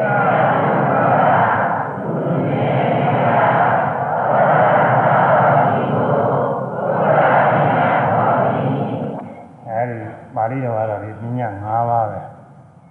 အဲဒီပညာ၅ပါးအနီးကိုကြီးရတဲ့ပညာလို့ခေါ်တယ်အနီးချင်းသိရတယ်နဲ့ဒီပုဂ္ဂလပညာဆိုတာအနီးချင်းသိရတယ်နဲ့ကပုဂ္ဂိုလ်တွေပဲ အဲအခုသက္ကရာအာဇိယဝါဒပြတဲ့ထဲမှာအဲ့ဒါအဲ့ဒါကိုလည်းပညာလို့ခေါ်ထားတယ်လို့။ဘာကြီးတော်မှာလည်းအဲ့ဒါကိုပညာလို့မဟုတ်ဘူးအမြည်ကြီးပဲပညာခေါ်တယ်။ပညာပေးတိပညာပနာတို့အဲဒီလိုပါဠိကသုံးပညာပေးတိသိစေတာတဲ့ပညာပနာတဲ့သိစေတဲ့ဟာတဲ့အဲ့ဒါကိုပညာဟူခေါ်ပြီးတယ်သိစေအပ်တဲ့ဥစ္စာမဟုတ်ဘူးသိအပ်တဲ့ဥစ္စာမဟုတ်ဘူးတော့အဲသမယဝိမု ക്ത ပညာ အဲပုဂ္ဂလပညာအပုထုဇဉ်ပုဂ္ဂိုလ်ပညာအရိယာပုဂ္ဂိုလ်ပညာသောတာပန်စသည်ဆိုတော့ဗราဂနာဂသတိတွေပေါ်လည်းတော့အချို့လည်းထုတ်ထားပါတယ်ဘုံလုံးထုံးနေပါဘူးအဲဒါတွေပုဂ္ဂလပညာပုဂ္ဂိုလ်ပညာဟူခေါ်ပြီးတဲ့ကအညီတွေပဲအဲဒီပုဂ္ဂလပညာပုဂ္ဂိုလ်ပညာတွေသိရတဲ့အ내သဘောကလည်းပဲနောင်နာအသရိယဝါဒရစဉ်သူလည်းပညာပါပဲဒါပေမဲ့လို့ ပါဠိတော်ထားရိတ်ထားတာကတော့သိပွဲအရာရာသိစေတာပညာဟုခေါ်၏ပညာပေတိတိပညာတယ်ပညာပေတိပြားဖြင့်သိစေတာဒီပြတာဒီထို့ကြောင့်ပညာဟုခေါ်၏တဲ့ဒါသိပွဲအရာရာယုတ်တရားနာတရားတွေသိပွဲတွေဖြစ်ဖြစ်လောကရေးရာတွေပဲဖြစ်ဖြစ်အဲသိဝဟူတဲ့မြတွေကိုသိစေတတ်တဲ့အမည်တွေဟာပညာဟုခေါ်သည်တဲ့ဒါလေးမှတ်ထားရတယ်ဆိုရမယ် သိဝရရသိဝရရသိစေတတ်သိစေတတ်ပညာဟုခေါ်သည်ပညာဟုခေါ်သည်သိဝရရသိစေတတ်ပညာဟုခေါ်သည်အဲဒါကပါဠိတော်ကပညာတွေနောက်ပါဠိတော်ကပညာတွေဟိုသင်ကြတော့ဘုရားပညာဝေဘာချက်ဆိုတာပါဠိတော်ကလာတဲ့ပညာတွေပါပဲအဲ့ဒီပညာတွေနောက်ပိုင်းကျမှဝေဘာရမယ် အခုဒီနာလောလောဆယ်မှာဒါကလည်းပညာတွေခွဲထားတယ်ရှိတယ်ဒါတွေလည်းမှတ်သားရမယ့်ဥစ္စာတွေကိုဒီမှာထုတ်ပြထားတယ်အထာကထာလာပညာ6ပါးငါပါဠိတော်လာတဲ့ပညာ6ပါးဒါလာလာလာတဲ့ပညာက6ပါးဝိသမနာပညာအဝိသမနာပညာဝိသမနာအဝိသမနာပညာအဝိသမနာဝိသမနာပညာဝိသမနာဝိသမနာပညာအဝိသမနာအဝိသမနာပညာတွေ6ခုရှိတယ် ဆိုဝိသမနာနဲ့အဝိသမနာဒီနှစ်ခုရင်းခံတာကရှိနေမရှိပါပဲရှိပညာမရှိပညာတို့ကဒီလိုလားကအဲရှိနေမရှိပေါင်းစပ်တဲ့ပညာမရှိနေရှိပေါင်းစပ်တဲ့ပညာအဲအရှိရှိချင်းပေါင်းစပ်တဲ့ပညာမရှိမရှိချင်းပေါင်းစပ်တဲ့ပညာဒီလိုဆိုလိုပါတယ်သူကအဲဒါလေးဝေဘာပြီးတော့သိရတာပဲပါဠိတော်တော့ခေါ်ရခဲ့တယ်ဗမာလိုတော့ရှိနေမရှိပါပဲဝိသမနာအဝိသမနာအဝိသမနာဆိုသ င်ရှားရှိတယ်သင်ရှားရှိတယ်ပညာအဲ့ဒါဘာလို့ဆိုလို့ချင်းအရှိတရားအမည်ကိုအရှိတရားရှိတယ်တကယ်ရှိတဲ့တရားရဲ့အမည်တကယ်ရှိတဲ့တရားကိုပရမတ်ပရမတ်ထသစ္စကထပရမတ်ထဆိုပြီးတော့သာဂတာတွေကလည်းသုံးပါတယ်။ကထာဝတ္ထုမှာလည်းပဲသုံးထားပါတယ်။ပုဂ္ဂလောဥပလာတိသစ္စကထပရမတ်ထေနဆိုပြီးတော့သုံးထားတယ်။အဲဒီကဝဟရအတိုင်း အဘိမာရသင်္ဃာကျမ်းတို့ဒီဃာရောတော့မှာပရမတ်ထဆိုပြီးတော့အဲ့ဒါကိုဖွင့်ထားတယ်ရှိတယ်။အဲ့ဒါပရမတ်ထဆိုသစ္စကထမှန်တော့တော့ပဲပရမတ်ထမြတ်တော့တော့ဘာလို့လဲမြတ်တယ်မှန်လို့တဲ့သစ္စကထမှန်လို့ပဲမှန်တဲ့သဘောရှိတယ်တကယ်မှန်သိသိတဲ့တကယ်မှန်လို့သူကပရမတ်မြတ်တော့အဲမြတ်တော့နဲ့တော့အဲလိုခေါ်ရတယ်အဲ့ဒါကို မှန်တယ်ဆိုတာကိုဒီကကျော်ကအာဝိပရိတထဆိုပြီးတော့ဖွင့်တာအာဝိပရိတဓမ္မလိုပြန်တော့မဖောက်မပြန်ဘူးအဲဒါမဖောက်မပြန်တာကိုဓမ္မမဖောက်ပြန်တာနှမျိုးရှိတယ်အဲဖောက်ပြန်တာမဖောက်ပြန်တာဖောက်ပြန်တယ်ဆိုတာကမှားတာလည်းရှိတယ်တစ်မျိုးတစ်မျိုးဖြစ်တာလည်းရှိတယ်အဲရှိကဆရာတော်ကြီးတွေတကယ်ဆရာတော်ကြီးတွေပါပဲအဲဒါတွေဒီ မျိုးတည်းဖြစ်တဲ့ဖောက်ပြန်ဆိုတဲ့အ내ကိုသဘောပေါက်ပြီးတော့အဲမဖောက်ပြန်မှုဆိုတာမပြောင်းလဲဘူးဆိုတဲ့အနေမျိုးနဲ့ပရမကမပြောင်းလဲဘူးကြီးညာကပြောင်းလဲတယ်ဆိုပြီးတော့ဥပမာတွေနဲ့ပြီးသူယုတ်ကြီးနဲ့သူတော့ဟုတ်သားပဲကျွန့်ယုတ်ကလေးကျွန့်တုံးကလေးအဲနွားယုတ်ကလေးလုံလိုက်နွားဖြစ်သွားပြီကျွန့်လာတော့ကျွန့်မယ်ကျွန့်ကမပြောင်းဘူးလေနွားတို့ယုတ်ကတော့ပြောင်းတယ်အဲ့ဒါလေးတစ်ခါပြန်ပြီးတော့ တခါမြင်းရုပ်ကလေးလိုလိုက်မြင်းဖြစ်သွားပြီဆင်းရုပ်ကလေးလိုလိုက်ဆင်းဖြစ်သွားပြီအဲရှွန့်တော့ရှွန့်မယ်မပြောင်းဘူးရွှေကိုရွှေသားကိုလည်းထိုးတူပဲလက်စုပ်ကလေးလုံးလိုက်လက်ကကလေးလုံးလိုက်ခြေပြင်းလေးလုံးလိုက်စတယ်ရဲ့ဟောရာတွေကပြောင်းနေပြီမယ်လို့ရွှေကတော့ရွှေပဲပြောင်းမှုအဲ့ဒါလိုပဲပရမတရားတွေကတော့သူ့အတိုင်းမပြောင်းဘူးအဲဟောရာအချင်းတော့ ပုဂ္ဂိုလ်ပဲတ attva ပဲကြောက်ကြပဲမိန်းမပဲလက်ပဲခြေပဲစသည်ဖြင့်ဒီလိုခေါ်ရတယ်အဲဒါပရမတ်ကတော့မပြောင်းဘူးပညာကအမိပညာတွေကပြောင်းနေတယ်ဆိုပြီးတော့ကြီးကဆရာတော်တွေကသူကအဆုံးပြပေးတယ်အဲ့ဒါကိုအများကြီးနဲ့ကြိုက်ကြိုက်ကြိုက်ကြတယ်သူကရှင်းတော့တယ်ပြီးတော့ပြီးလွယ်လာဒါပေမဲ့လည်းအဲ့ဒါမဟုတ်ဘူးဒီကရောပြောထားတာအဲ့ဒါမအောက်ဥပရိဒဆိုမဖောင်းမပြန်တာမှန်တာကိုပြောတာသူကမပြောင်းလဲတာပြောတာမဟုတ်ဘူးဒါတော့ဆိုတော့ မပြောင်းလဲဘူးပရမတရားမပြောင်းလဲဘူးဆိုတော့ရုပ်ပတိတိရူပံကြတော့ဖဲ့နေတာပေါ့သူစားရုပ်ပတိဖောက်ပြန်တာပြောင်းလဲတာဣတိဆိုကြရူပံရုပ်မြည်ရုပ်ဆိုတာပြောင်းလဲတာလို့ရုပ်ခေါ်တာပေါ့မပြောင်းလဲရင်ရုပ်မခေါ်ဘူးအဲဒီကြတော့သူတို့ဘယ်နဲ့ဖြေကြလဲဆိုတော့အာရုပ်ကတမျိုးတည်းပြောင်းလဲပေမဲ့လို့သူပင်ကိုရင်းသဘောတော့မပြောင်းဘူးတဲ့ပထဝီကခဲမှလာခဲမှနေတာပဲဒီလိုမပြောင်းဘူးဆိုပြီးတော့အကသတ္တလိုက်ပြီးတော့လုပ်ကြတယ် အဲ့ဒါဒီကရောဆရာဆိုတာကသစ္စိကထကိုရည်ပြီးတော့အာဝိပရိတမဖောက်မပြန်တဲ့သဘောတဲ့ဒါကိုခွန်ကြီးကဝိပဿနာရှုနည်းကျမ်းအဲအခါနှစ်မှာဒီကြရာဆုံးဖြတ်ထားပါတယ်ဒါပေမဲ့တော့အဲ့ဒါကိုသဘောပေါက်ကြည့်နေတဲ့ပုဂ္ဂိုလ်ကတော့နဲတော့နဲပုံရပါတယ်လို့ကရုပ်ပုဂ္ဂိုလ်တွေသဘောပေါက်တယ်ဒါနဲ့ကဘာလဲသွားတော့တောင်ကုန်းပေါ်ကတယောက်တွေ့ အဲသူကအဲ့ဒါတွေသဘောကျတယ်သူမေးကြည့်တယ်ဒါကြီးဒါတွေတော့သဘောပေါက်နားလည်စာတော့တင်ဘူးသိမှုဘူးရဟဖြစ်ဘူးလားမဖြစ်ဘူးဟွန်းသာမတင်ဘူးနဲ့စာပို့သွားကြည့်ကြည့်နေတယ်တော့သဘောပေါက်တာတော်တာပေါ့သူသူတော်ပါတယ်သူနည်းနည်းနည်းနည်းသူကစဉ်းစားတာအဲ့ဒါပရမတ်ဆိုတာအမှန်တရားတကယ်ရှိတဲ့တရားကိုပရမတ်ဟူရခေါ်သည်တဲ့ ခုနဥပါဒနဲ့ခန္ဓာ၅ပါးတွေဆိုတာတကယ်ရှိနေတာတွေပဲမိမိတို့ကနာတကယ်ကိုဖြစ်ဖြစ်ပြီးရှိနေတာတွေအဲ့ဒါတွေပရမတ်တွေအမည်တွေကတော့တကယ်မရှိဘူးဒါကြောင့်မို့အရှိပရမတ်တရားရဲ့အမည်ကိုရှိတကယ်ရှိတဲ့တရားရဲ့အမည်ကိုဝိသမနာပညာအမည်ကတော့ပညာပဲသို့တော့အဲ့ဒီဝိသမနာပညာဖြင့်သိရတဲ့တရားကတော့ပရမတ်ပဲအဲ့ဒါကိုနားလည်ဖို့ရ အရှိပရမတ်တရားရဲ့အမည်ကိုဝိသမနာပညာခေါ်သည်ရုပ်ဝေဒနာစာတော့အမည်ပင်တဲ့ရုပ်ဝေဒနာပညာသင်္ခါရဝိညာဉ်ခုနဟိုယူဘခန္ဓာတို့သက္ကာယရဏတို့သက္ကုတ္တတို့ဒုက္ခသစ္စာတို့သက္ကုံတွေတို့စသည်ဖြင့်အဲ့ဒီပညာ၅မျိုးဒီဟာဝိသမနာပညာတွေပဲအဒီပညာ၅မျိုးဖြင့်သိရသိရတဲ့အ내တွေအရှိပရမတ်တရားတွေပဲအဲ့ဒါနဲ့မျိုးစာနဲ့အတူတူပါပဲအဲဝိသမနာပညာဆိုတာနဲ့ခုနကပညာ၅မျိုးနဲ့အတူတူပဲ အဲဆိုရမယ်အရှိပရမတ်တရားရဲ့အမည်ကိုဝိသမနာပညာခေါ်သည်ရုပ်ဝေဒနာစာသောအမည်ပင်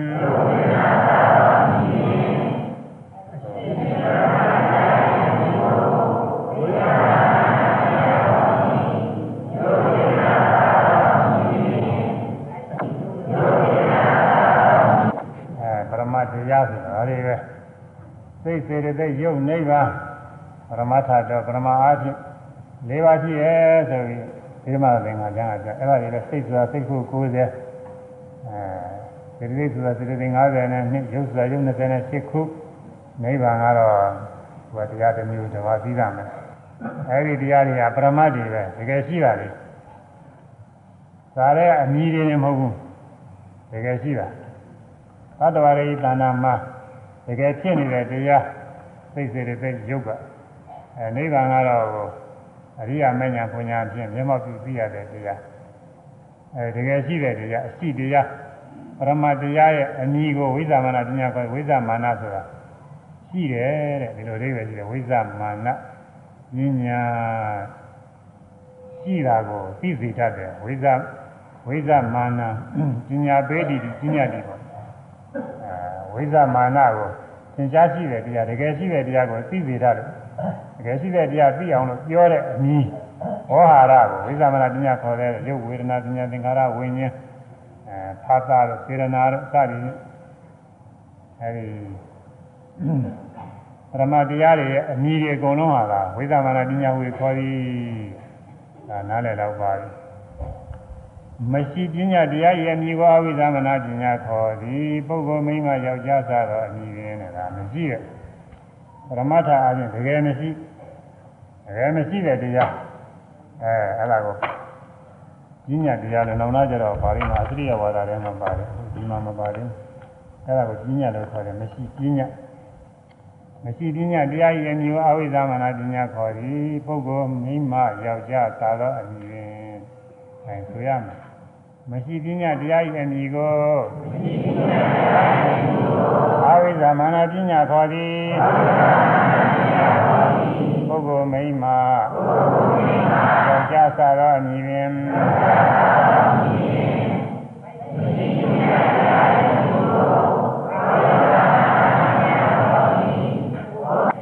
ပုဂ္ဂိုလ်ဆိုတာလောကဝါဟာရအချင်းတော့သူကရှိတယ်လို့ဆိုရပါတယ်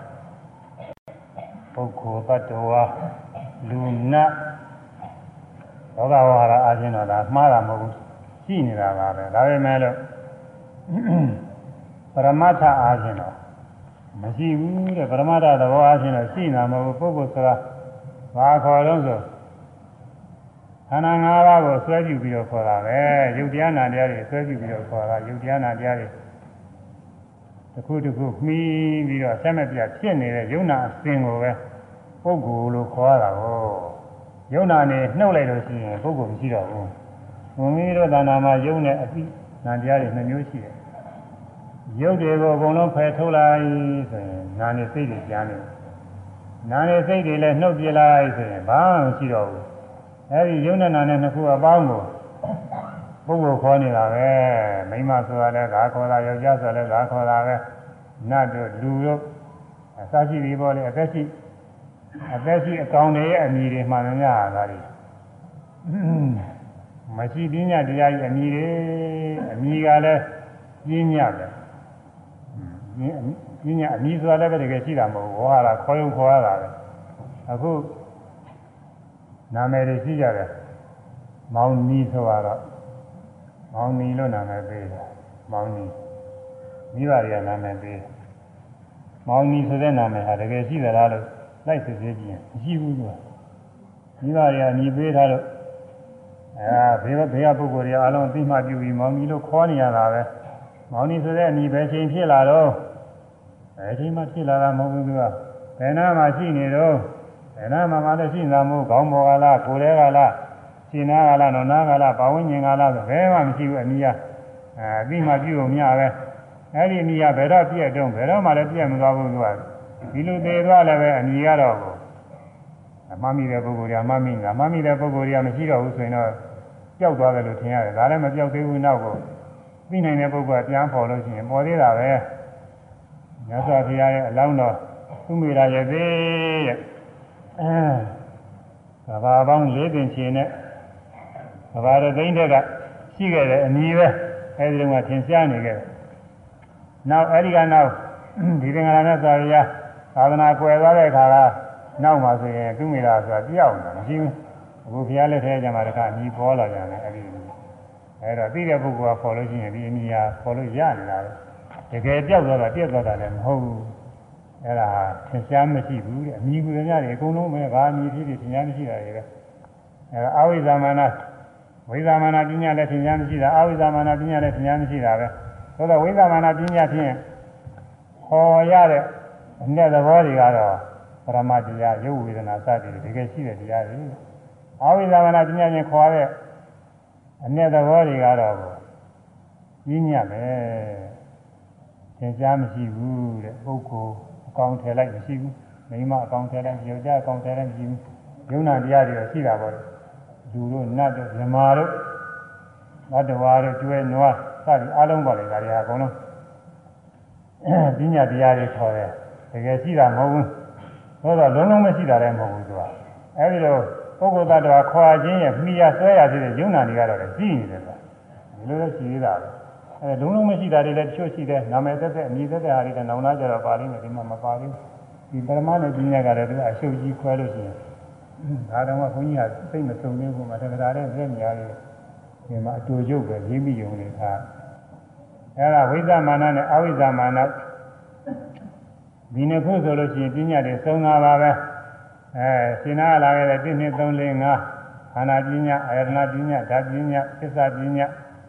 အိန္ဒိပညာဆိုတာတွေကဝိသမမာနပညာသင်ကြားကြည့်တဲ့တရားတွေရဲ့အပြီးနောက်နောက်ဆုံးကသမယဝိမု ക്ത ဆိုတာပုဂ္ဂလပညာဆိုတာကတော့အဝိသမမာနပညာသင်ကြားမရှိတဲ့ပညာတရားရဲ့အပြီးရဲ့အဲဉာဏ်တစ်ခုနဲ့ဒီကပညာတွေအကုန်ကုန်သွားပြီ အဲဒီကုန်သွားပြီလည်းနောက်ရှိတာနဲ့မရှိတာနှစ်ခုစပ်ပြီးတော့ပြေးထားတဲ့အမီးဝိဇာမာနေနာအဝိဇာမာနာပညာတဲ့ဝိဇာမာနေနာအရှိဖြင့်ပေါ့ရှိနေတဲ့သဘောဖြင့်အဝိဇ္ဇာမာနမရှိတာကိုပညာသိစေတဲ့အမည်ရဲ့အရှိဖြင့်မရှိကိုသိစေတဲ့အမည်ကဝိဇ္ဇာမာနအဝိဇ္ဇာမာနပညာတယ်ဘယ်လိုအားလုံးဆိုဉာဏ်ရှိသူဟုတ်လား အရှိဖြင့်မရှိကိုသိစေတာကဝိဇ္ဇာမာနအဝိဇ္ဇာမာနပညာဝိဇ္ဇာမာနအရှိဖြင့်အဝိဇ္ဇာမာနမရှိကိုပညာကသိစေတဲ့အမည်ဆိုတော့တယ်ဒါကြောင့်အရှိဖြင့်မရှိကိုသိစေတာကဝိဇ္ဇာမာနအဝိဇ္ဇာမာနပညာဘယ်လိုဟာတွေတော့ဆိုဉာဏ်ရှိသူတဲ့ဉာဏ်ဆိုတာကတော့ရှိနေတာဉာဏ်ဆိုတာပညာပဲအာမောဟပဲစေတသိက်တရားပဲသူကရှိတယ်ညာရှိတဲ့ပုဂ္ဂိုလ်ဆိုတာပုဂ္ဂိုလ်ကတော့ခုနပြောတဲ့မရှိတဲ့ကတော့ဒါကြောင့်မို့ အဲအရှိနဲ့မရှိပေါင်းစပ်ပြီးတော့ပြေးတဲ့အမည်ကိုဝိဇာမဏိနာအဝိဇာမနာပညာတဲ့အရှိနဲ့မရှိကိုသိစေတာကဝိဇာမဏိနာအဝိဇာမနာပညာဘိညာဉ်ရသူတဲ့ဘိညာဉ်ဆိုတာကရှိနေတာပဲရတဲ့ပုဂ္ဂိုလ်ကတော့ပုဂ္ဂိုလ်အနေကတော့မရှိဘူးသူကအဲဒီလိုဟာတွေပေါ့ဒီပြင်းနေအများကြီးပေါ့ဒီပရမတရားတွေနဲ့စပ်ပြီးတော့ပုဂ္ဂိုလ်တွေကိုဆွဲလမ်းပြီးတော့ခေါ်ထားတဲ့အနည်းတွေအဲဒီအနည်းတွေကအကုန်လုံး အောဝိဇ္ဇာမာနနာအဝိဇ္ဇာမာနာပညာတဲ့အဲဆိုရတဲ့အရှိဖြင့်မရှိကိုသိသေးတာကအရှိဖြင့်မရှိကိုသိသေးတာဝိဇ္ဇာမာနနာအဝိဇ္ဇာမာနာပညာဉာဏ်ရှိသူဉာဏ်ရှိသူဝိညာဉ်ရသစ္စာတော့မြည်ပင်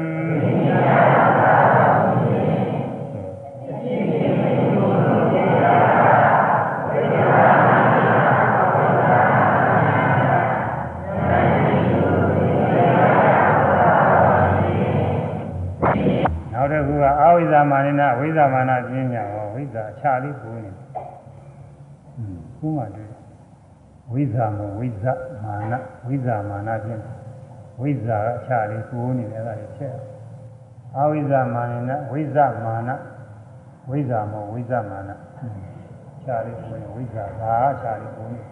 အဲ့ဒါလေးချက်ထားကြပါမယ်။အဝိဇ္ဇာမာနနာဝိဇ္ဇာမာနပညာ အဝိဇ္ဇာမာနနာမရှိတာဖြင့်ဝိဇ္ဇာမာနရှိတာကိုပညာသိစေတဲ့အနည်းလို့ဆိုလိုတယ်။ဒါကြောင့်မရှိဖြင့်အဝိဇ္ဇာမာနနာကိုမရှိဖြင့်အရှိကိုအရှိဆိုတာပရမတရားပေါ့အဲပရမတရားကိုသိစေတဲ့အမည်ကအဝိဇ္ဇာမာနနာဝိဇ္ဇာမာနပညာခေါ်သည်တဲ့အဲ့ဒါဘာလို့ဆိုမိန်းမဤရုပ်မိန်းမဤအခြင်းယောက်ျားဤယောက်ျားဤအခြင်းအဲမိန်းမတို့ယောက်ျားတို့ဆိုတာကဒါခုနက အဝိဇ္ဇာမာနပညာကိုမရှိရဘူးအဲရုပ်တို့အခြင်းတို့ကတော့ရှိနေတာပဲအဲမိန်းမဤအခြင်းမိန်းမဤရုပ်မိန်းမဤအခြင်းမိန်းမဤအသံယောက်ျားဤအခြင်းယောက်ျားဤအသံစသည်အဲဒီလိုဟာတွေပေါ့လေအဲအခြင်းအသံဆိုတာတွေကရုပ်ဆိုတာတွေကရုပ်အခြင်းအသံဆိုတာတွေရှိနေမိန်းမယောက်ျားဆိုတာတွေကမရှိတာမရှိတာဖြင့်အရှိကိုပေါ်ပြတဲ့အမည်တဲ့အဲ့ဒါကအဝိဇ္ဇာမနနာဝိဇ္ဇာမနာပညာခေါ်သည်တဲ့ဆိုရမယ် မရှိပြန်ရှိကိုသိသေးတာကအဝိဇ္ဇာမနနာဝိဇ္ဇာမနာပညာမိမဤယုတ်သောက်ကြဤယုတ်သာရအမည်ပင်အ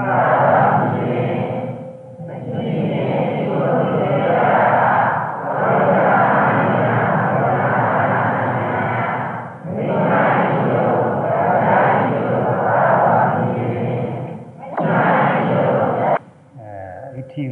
ရူပံပုရိသရူပံလို့ပါဠိကရှိတယ်ဒါကရာဆိုလိုတာကတော့ရူပရဲ့အသင်းကိုဆိုလိုတာတော့ဒီပါလေအမေရူပကရုပ်လို့လည်းပြန်လို့ရတယ်သူတို့လည်းပြီးအောင်ဘုန်းကြီးကရုပ်လို့ပြန်တယ်ယောက်ျားကြီးမိန်းမကြီးရုပ်ယောက်ျားကြီးရုပ်ဆိုတယ်မှန်ပါတယ်မိန်းမကြီးအသင်းယောက်ျားကြီးအသင်းမိန်းမကြီးသံယောက်ျားကြီးသံဒါတွေအတူတူပဲသဘောချင်းဒီပါမိန်းမကြီးမျက်စိယောက်ျားကြီးမျက်စိဒါတွေလည်းဒီပါပဲအဲအသင်းတို့အသံတို့မျက်စိတို့နားတို့ရုပ်တွေကတကယ်ရှိနေတာ အရှိဖြင့်အရှိကိုသိစေတာအရှိရှိချင်းပေါ်တယ်အဲအရှိရှိချင်းစပ်ပြီးတော့သိအောင်လို့ဟောပြောဆိုတဲ့ပညာတဲ့ဝိဇ္ဇမာနေနာဝိဇ္ဇမာနာပညာတဲ့ဝိဇ္ဇမာနေနာအရှိဖြင့်ဝိဇ္ဇမာနရှိတာကိုပညာသိစေတဲ့အနည်းအဲအရှိဖြင့်အရှိကိုသိစေတာဘာလို့သက္ခုဝိညာဉ်စသည်သက္ခုဆိုတာမျက်စိဝိညာဉ်ဆိုတာစိတ်မျက်စိမှာမှီပြီးတော့ ဖြစ်တဲ့စိတ်မျက်စိတွေကစိတ်ပေါ်တယ်မျက်စိတွေကစိတ်နားတွေကစိတ်သက္ခုဝိညာဉ်သောတာဝိညာဉ်သက္ခုတံပါဒသောတာတံပါဒစသဖြင့်ဒီလိုမျိုးအများကြီးရှိပါတယ်ပရမတရားချင်းပရမတရားချင်းနှစ်ခုစပ်ပြီးတော့ညီပေးတာအဲဒါဝိဇ္ဇာမာနနာဝိဇ္ဇာမာနပညာပဲအရှိချင်းအရှိကိုသိစေတာဆိုရမယ်အရှိချင်းအရှိကိုသိစေတာကအရှိချင်းအရှိကိုသိစေတာဝိဇ္ဇာမာနနာဝိဇ္ဇာမာနပညာဝိဇ္ဇာမာနနာသက္ခုဝိညာဉ် သာသောညီပင်အ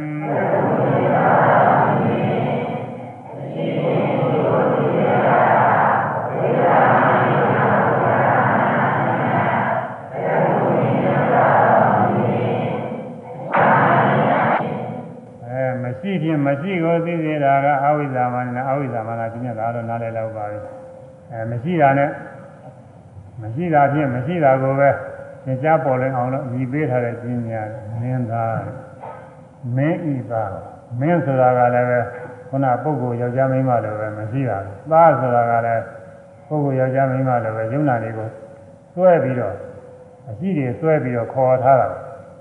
တော့မင်းဆိုတာကလည်းပဲ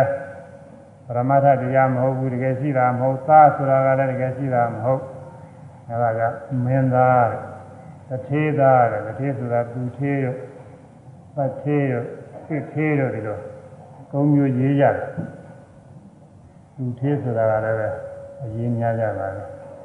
တထေးဆိုတာကတော့အတန်တွဲနေတော့ကြိုက်တာပါပြစ်သေးဆိုတာကတော့ပြစ်ထိဆိုတဲ့ပါဠိရနဲ့ကြိုက်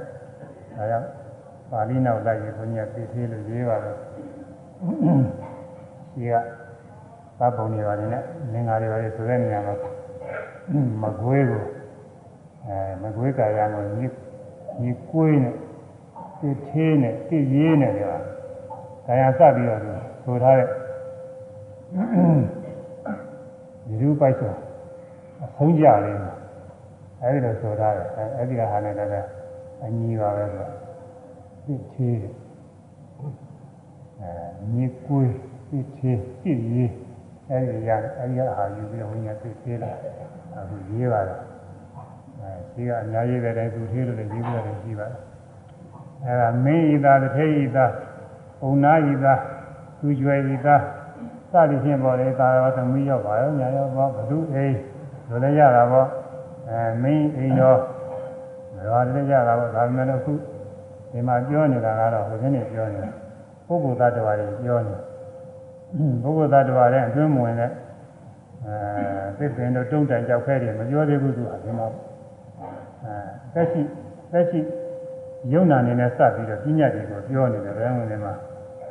မင်းသားတစ်သေးသားမင်းသမီးတစ်သေးသမီးစသည်ဖြင့်အဲဒီလိုဟာတွေကဝိအဝိဇ္ဇာမနဲ့အဝိဇ္ဇာမကပညာပဲတဲ့ဆိုရမယ်မရှိဖြင့်မရှိကိုသိစေတာကမရှိဖြင့်မရှိကိုသိစေတာအဝိဇ္ဇာမနဲ့အဝိဇ္ဇာမနာပညာမင်းသားတစ်သေးသားသာတော့ညီပင်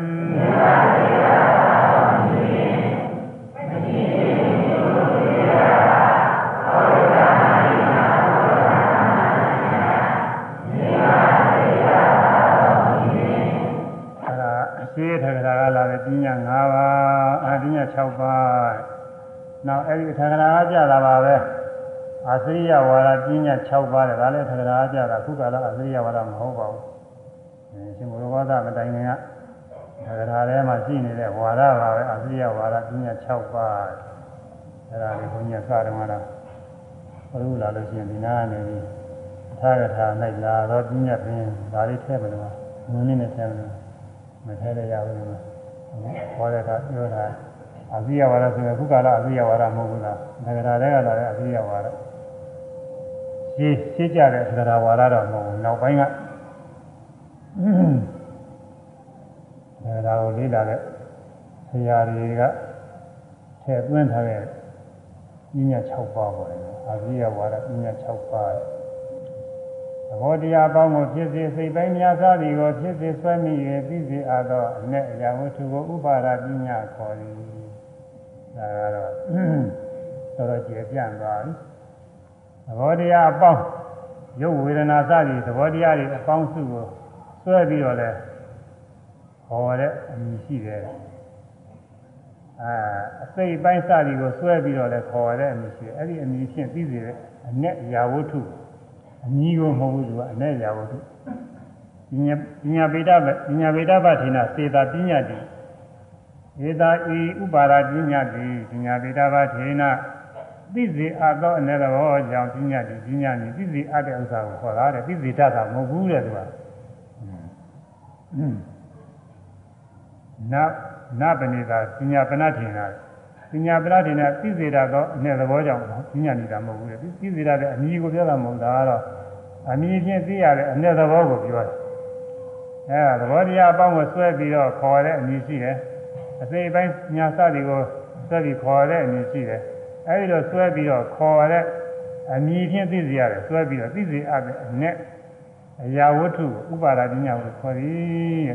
ပုဂ္ဂိုလ်တဲ့တ attva တဲ့ပုဂ္ဂိုလ်ဆိုတာဘာတုံးဆိုအဲယုံနာခန္ဓာ၅ပါးအပေါင်းကို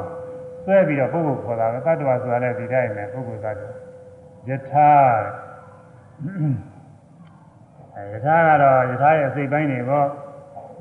ဝင်ရိုးတို့ဘိန်းတို့စသည်တွေအဲဒါတွေကိုဆွဲပြီးတော့ဒါတွေသူညာနဲ့သူတတ်စင်ထားရင်ယထာဖြစ်တာပေါ့ဒါတွေအကုန်လုံးဖြုတ်ထားရင်ယထာမရှိတော့ဘူး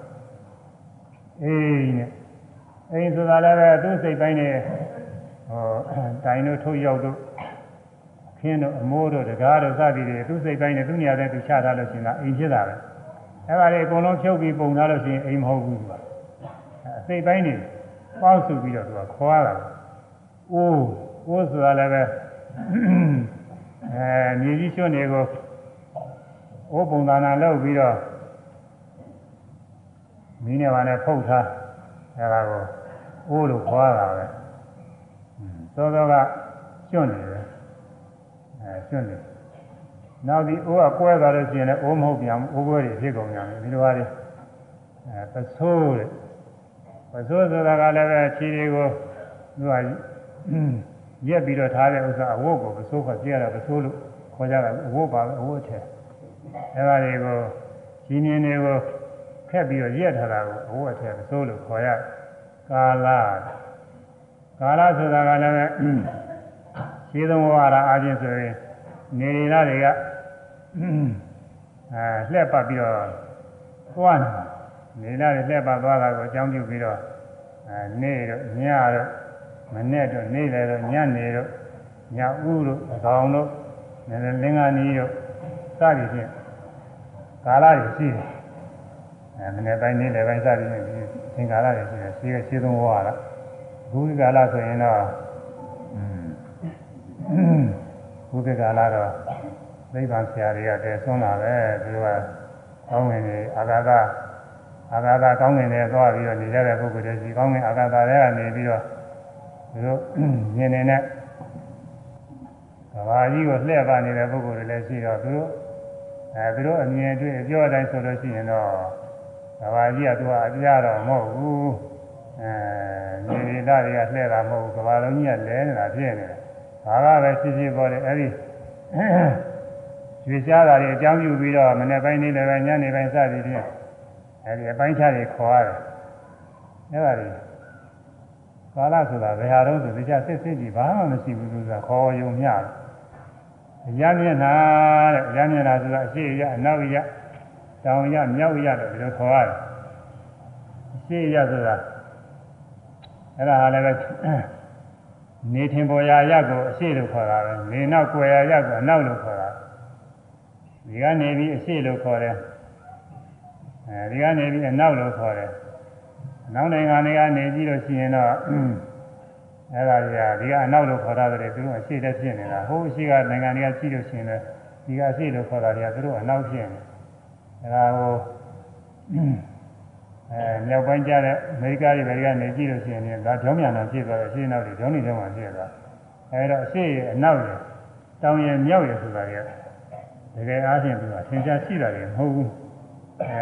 နေလာတွေထင်ပေါ်တာအကြောင်းပြုပြီးတော့ ခေါ်ထားတယ်ရမ်းနေတာလေနောက်ဥက္ခာနမိတ်ပိဋိပါကနမိတ်တွေကတရားထုတ်တဲ့နေရာမှာပထမသကိုင်းနမိတ်တွေယူတဲ့အခါပထဝီပထဝီစသည်နဲ့သကိုင်းနမိတ်အာယုယူရပထမယူပါစမှာသင်ရှားတဲ့မထူးခြားသေးတဲ့အာယုဥက္ခာနမိတ်ခေါ်တယ်နောက်တော့ထူးထူးခြားခြားဖြစ်လာတဲ့ရောင်လက်စတဲ့ထူးထူးခြားဖြစ်လာတဲ့ပိဋိပါကနမိတ်လို့ခေါ်တယ်အဲဒါတွေကလည်းပဲတကယ်ရှိတာတွေမဟုတ်ဘူးတဲ့ဒါ ဟိုလည်းဘာဝနာအချိန်ရောက်ဖြစ်လာတဲ့ဟာတွေဒါကြောင့်အဲ့ဒါကြီးအကုန်လုံးမရှိတယ်ပဲသဘောတရားအပေါင်းကိုဖြစ်စေသဘောတရားအပေါင်းကတော့တကယ်ရှိတယ်အဲ့ဒီသဘောတရားအပေါင်းကိုဆွဲမိပြီးတော့သိစေအပ်တဲ့အ내ကခုနပုဂ္ဂိုလ်သတ္တဝါဒါကမရှိဘူးအဲအစိတ်ပိုင်းများစသည်ကိုစိတ်ပိုင်းများကယထာတို့အိမ်တို့စိတ်ပိုင်းတွေအိုးတို့ပစိုးတို့အဲဆံရဖြစ်တဲ့အစိတ်ပိုင်းတွေ ကာလတော့ရမျက်နာတော့ဆိုတာလည်းပဲနေရတာတွေသင်ပေါ်တာအကြောင်းပြုပြီးတော့ပြညာထားတာလေဥက္ကနွေပြိပါနွေဆိုဘာဝနာဘာဝနာရဲ့ထူးခြားပုံတွေအကြောင်းပြုပြီးတော့ထူးခြားလို့သင်သင်လာတဲ့အာယုန်နမိတ်တွေအဲ့ဒါတည်းတကယ်စင်စစ်တော့သူကရှိတာတွေမဟုတ်ဘူးဒါတွေမရှိတဲ့ဥစ္စာတွေအဲ့ဒါတွေကသူကပြင်းညာတယ်ဒါကတော့အမီးမဟုတ်ဘူးသိစီအပ်တဲ့အနဲ့သိအပ်တဲ့အနဲ့ရာဝတ္ထုကိုပဲ ဥပါဒပညာလို့ခေါ်သည်တဲ့ဒါလေးနဲ့ဆိုဦးမှာရှင်းရနည်းနည်းရှင်းလာတယ်အဲနောက်ကဟာတွေမဆိုနဲ့ပဲလက်သက်ကွန်းဟာတွေလည်းမဆိုနဲ့ဒါရှင်းတယ်ဆိုကြတယ်သဘောတရားပေါင်းကိုဖြစ်စေသဘောတရားပေါင်းကိုဖြစ်စေစိတ်တိုင်းများစသည်ကိုဖြစ်စေစိတ်တိုင်းများစသည်ကိုဖြစ်စေဆွဲမိ၍ဆွဲမိ၍ဖြစ်စေအပ်သောအ ਨੇ ဖြစ်စေအပ်သောအ ਨੇ ရာဝတ္ထုကိုရာဝတ္ထုကိုပါရပညာခေါ်သည်ပါရပညာခေါ်သည် ဘောတရားပေါင်းကိုဖြစ်စေသဘောတရားပေါင်းကိုဖြစ်စေစိတ်ပိုင်းများစသည်ကိုဖြစ်စေစိတ်ပိုင်းများစသည်ကိုဖြစ်စေဆွဲမိ၍ဆွဲမိ၍ဖြစ်စေအပ်သောဖြစ်စေအပ်သောအ ਨੇ အရာဝတ္ထုကိုအ ਨੇ အရာဝတ္ထုကိုပါရပညာခေါ်သည်ပါရပညာခေါ်သည်သဘောတရားအဲဒါလောကဝါရတွေဒီနေ့အများကြီးပါဝင်သွားတယ်အဲဒီတော့ခေါ်ရတဲ့ အနည်းမဟုတ်ဘူးလားအဲ့ဒီခေါ်တဲ့အရာဝတ္ထုပဲပုဂ္ဂိုလ်ဆိုရင်ပုဂ္ဂိုလ်လို့ခေါ်ရပြောဆိုရတဲ့အရာဝတ္ထုပဲသတ္တဝါယောက်ျားမိန်းမတွေလည်းပါလာဖို့ဒီထဲမှာယထာတော့အိမ်တို့ဘုပ္ပဆိုတဲ့အထေဝတ္ထုတွေကာလဆိုတာကလည်းပဲမနေ့ပိုင်းနေ့လည်းပဲညနေပိုင်းအဲဗေဒနာကြီးဗေဒနာမိနစ်စသည်ဒါတွေအကုန်ပါလာပေါ့လေရမျက်နှာဆိုတာလည်းအရှိအနောက်တောင်မြောက်အဲ့ဒါတွေကအမီးမဟုတ်ဘူးသူကတော့အမီးဖြင့်သိရတဲ့ဥစ္စာ ဥက္ခာနမိပိဋိပါဏိဒါကတော့ဘာဝနာနဲ့ဆိုင်တယ်အဲ့ဒါတွေကအကုန်လုံးဥပါဒပညာဥပါဒဆွဲလန်းရွေ့ပညာခေါ်အပ်တဲ့အနှစ်ပဲအဲဥပါဒဆွဲလန်းဆွဲမိပြီးတော့သုံးတရားကိုဆွဲမိပြီးတော့ရှိတဲ့တရားဖြစ်ဖြစ်မရှိတဲ့တရားဖြစ်ဖြစ်ပေါ့လေသဘောတရားအပေါင်းဆွဲတယ်ဆိုတာကရှိတဲ့တရားတွေဆွဲမိပြီးတော့ရှိစီတာအစိပ်ပိုင်းညာဆိုတာကတော့မရှိတဲ့တရားတွေဆွဲမိပြီးတော့ဖြစ်တာ အဲဒါရှိတာဖြစ်ရင်မရှိတာဖြစ်ဖြစ်သုံးတစ်ခုကိုဆွဲမိပြီးတော့ခေါ်တဲ့အမည်သိစေအပ်တဲ့အမည်အဲခေါ်ခေါ်တဲ့အမည်မဟုတ်ခေါ်အပ်တဲ့အ ਨੇ သိစေအပ်တဲ့အ ਨੇ အမည်မဟုတ်ဘူးလားကတော့သိစေအပ်တဲ့အ ਨੇ သိရတဲ့အရာဝတ္ထုတွေကဥပါဒပညာတယ်ဒါကတော့အ ਨੇ ပညာပဲဒါပညာမဟုတ်ဒီပညာမဟုတ်အ ਨੇ ပညာအမည်ချင်းသိအားမရှိလားပညာသူလည်းမြည်ရည်ဒါကြောင့်ဒါလေးမှတ်ရအောင်လို့ အမည်ဝါရဖြင့်သိရတဲ့အရာတဲ့သိရတဲ့အနဲ့တဲ့မရှိဘူးတဲ့တကယ်တော့လည်းရှိတာမဟုတ်ဘူးတဲ့အနည်းချင်းသိရလို့ရှိတာတွေကတော့လည်းပညာမခေါ်ပါဘူးဥပမာယုတ်ဝေဒနာပညာသင်္ခါရအနည်းချင်းသိရတယ်အယုတ်ဆိုတာရှိနေတာကိုအဲ့ဒါပညာမခေါ်ဘူးဒါကတော့ပရမတ်ပဲအနည်းချင်းသိရမရှိလားအနည်းချင်းလည်းသိရတယ်သူကရှိလည်းမရှိဘူးမရှိတာတဲ့အနဲ့တွေကမရှိဘူးအဲ့ဒါကိုပညာကိုခေါ်သည် အဲဆိုရမယ်အမိချင်းပြီးအားအမိချင်းပါမရှိလားမရှိပါပညာသူလည်းမြည်ပေသည်ပညာသူလည်းမြည်ပေသည်အမိချင်းပါမရှိလားပညာသူလည်းမြည်ပေသည်အမိချင်းပါမရှိလားပညာသူလည်းမြည်ပေသည်အဲသူလဲဆိုတာရှင်းတော့ကအမီးတွေကိုပညာခေါ်တယ်သူကအမီးမဟုတ်ဘူးလား ဟောပညာသူလည်းပဲပညာပဲအနည်းတော့မဟုတ်ဘူးတဲ့အနည်းချင်းသိရတဲ့အ내ဝတ္ထုပဲအ내တရားဝတ္ထုကိုသူ့ကိုလည်းပညာလို့ခေါ်တယ်ဒါရီအထူးမှတ်ထားတယ်လို့ဆိုတာကအပိယဝါဒကပါလာဟိုဘာကြီးတော်တုန်းကတော့အမြည်ကြီးတယ်ပဲဝိသမန္နဝိသမန္နပညာဆိုရတယ်လည်းအမြည်တွေပဲအ내တရားမဟုတ်ဘူးအခုအပိယဝါဒတွေကပထမပညာက ပညာပဏ္ဍိနာစေတာပညာတိတို့ဒီတရားဖွင့်လာတယ်ကသိစီအပ်အနဲ့သိစီတတ်တဲ့ဥစ္စာမဟုတ်ညာညာပိတဘာထေနာညာပိတဘာထေနာစေတာသိစီအပ်တော့အနဲ့သဘောကြောင့်ပညာဝေခေါ်ရတာကြောင့်မြင်ချင်းသိရတဲ့အရာဝတ္ထုလည်းပညာသူလည်းပဲပညာလို့ခေါ်တယ်အဲ့ဒါရှိလည်းမရှိဘူးတဲ့ရှိနေရင်တော့မြင်ချင်းသိရတယ်လည်းတော့ပညာမခေါ်ရဘူးရုပ်ဝေဒနာပညာသင်္ခါရ ခန္ဓာအာယတနာဓာတ်သစ္စာအင်းဒီအဲ့ဒါတွေကအနည်းချင်းသိရတဲ့ဟာတွေတော့ဟုတ်တာဟုတ်ပေမဲ့လည်းသူကတကယ်ရှိတဲ့တရားတွေမရှိတာမဟုတ်ဘူးအဲ့ဒါတွေတော့ပြညာမခေါ်ဘူးအနည်းချင်းလည်းပဲပြောဆိုပြီးတော့သိရတယ်အဲ့ဒီဟာတကယ်စစ်ကြည့်လို့ရှိရင်လည်းရှိတာမဟုတ်ဘူးဆိုရင်ဒါပြညာပဲမရှိတရားပေါ့လေအဲ့ဒါပြညာခေါ်တယ်အဲ့ဒါအခု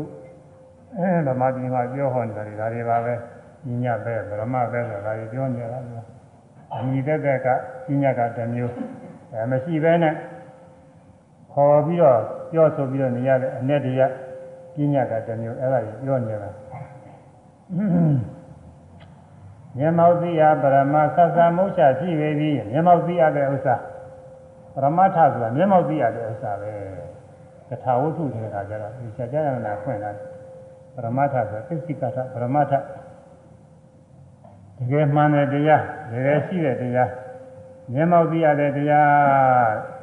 အဲမျက်မှောက်သိရတဲ့တရားကိုပရမဟုရခေါ်တယ်မျက်မှောက်မသိရတဲ့သင်ကြားမျှနဲ့ဆိုရင်ပရမမဟုတ်ဘူးသင်ကြားမျှတယ်ဆိုအမှန်လည်းမရှိဘူးမှန်ရင်မှလည်းမှန်တယ်မျက်မှောက်သိမှအခုယောဂီပုဂ္ဂိုလ်တွေကတော့ရှုရင်မျက်မှောက်သိတယ်အဲ့ဒါပရမတ်တွေဒါရီတချို့ကသဘောမပေါက်ဘူးအဲမြင်နေကြတဲ့ဓဝါကြောက်ပါပေါ်တိုင်းပေါ်တိုင်းနေရှုပြီးမှန်တိုင်းသိနေတာကိုသူတို့ကပြညာတွေအောင်းမိနေတယ်ဟာမြင်တယ်ဆိုလို့ရှိရင် ပုဂ္ဂိုလ်သားတော်ယောက်ျားမင်းမအကောင်းထည်ကြီးမြင်တာပဲကြားတယ်ဆိုလို့ရှိရင်လည်းဘာကြားတာပဲဘာပဲညာပဲစသည်ဖြင့်သူတို့ကပြညာမှတယ်ပြညာမဟုတ်ဘူးတကယ်မြင်ကမြသဘောကြားကမြသဘောကသူကရူပါယုံတို့သာရယုံတို့ပရမတ်တွေပဲအဲ့ဒီပရမတ်တွေပြီးနေတာအဲ့ဒါဒီတိုင်းဒီတိုင်းလိုက်ရှုမှတ်နေလို့ရှိရင်ပရမတ်တရားတွေကိုသိချာသိနေတာတကယ်လည်းရှိတဲ့တရားတွေမရှိဘဲနဲ့ကြံတွဲယူရတာတွေမဟုတ်ဘူး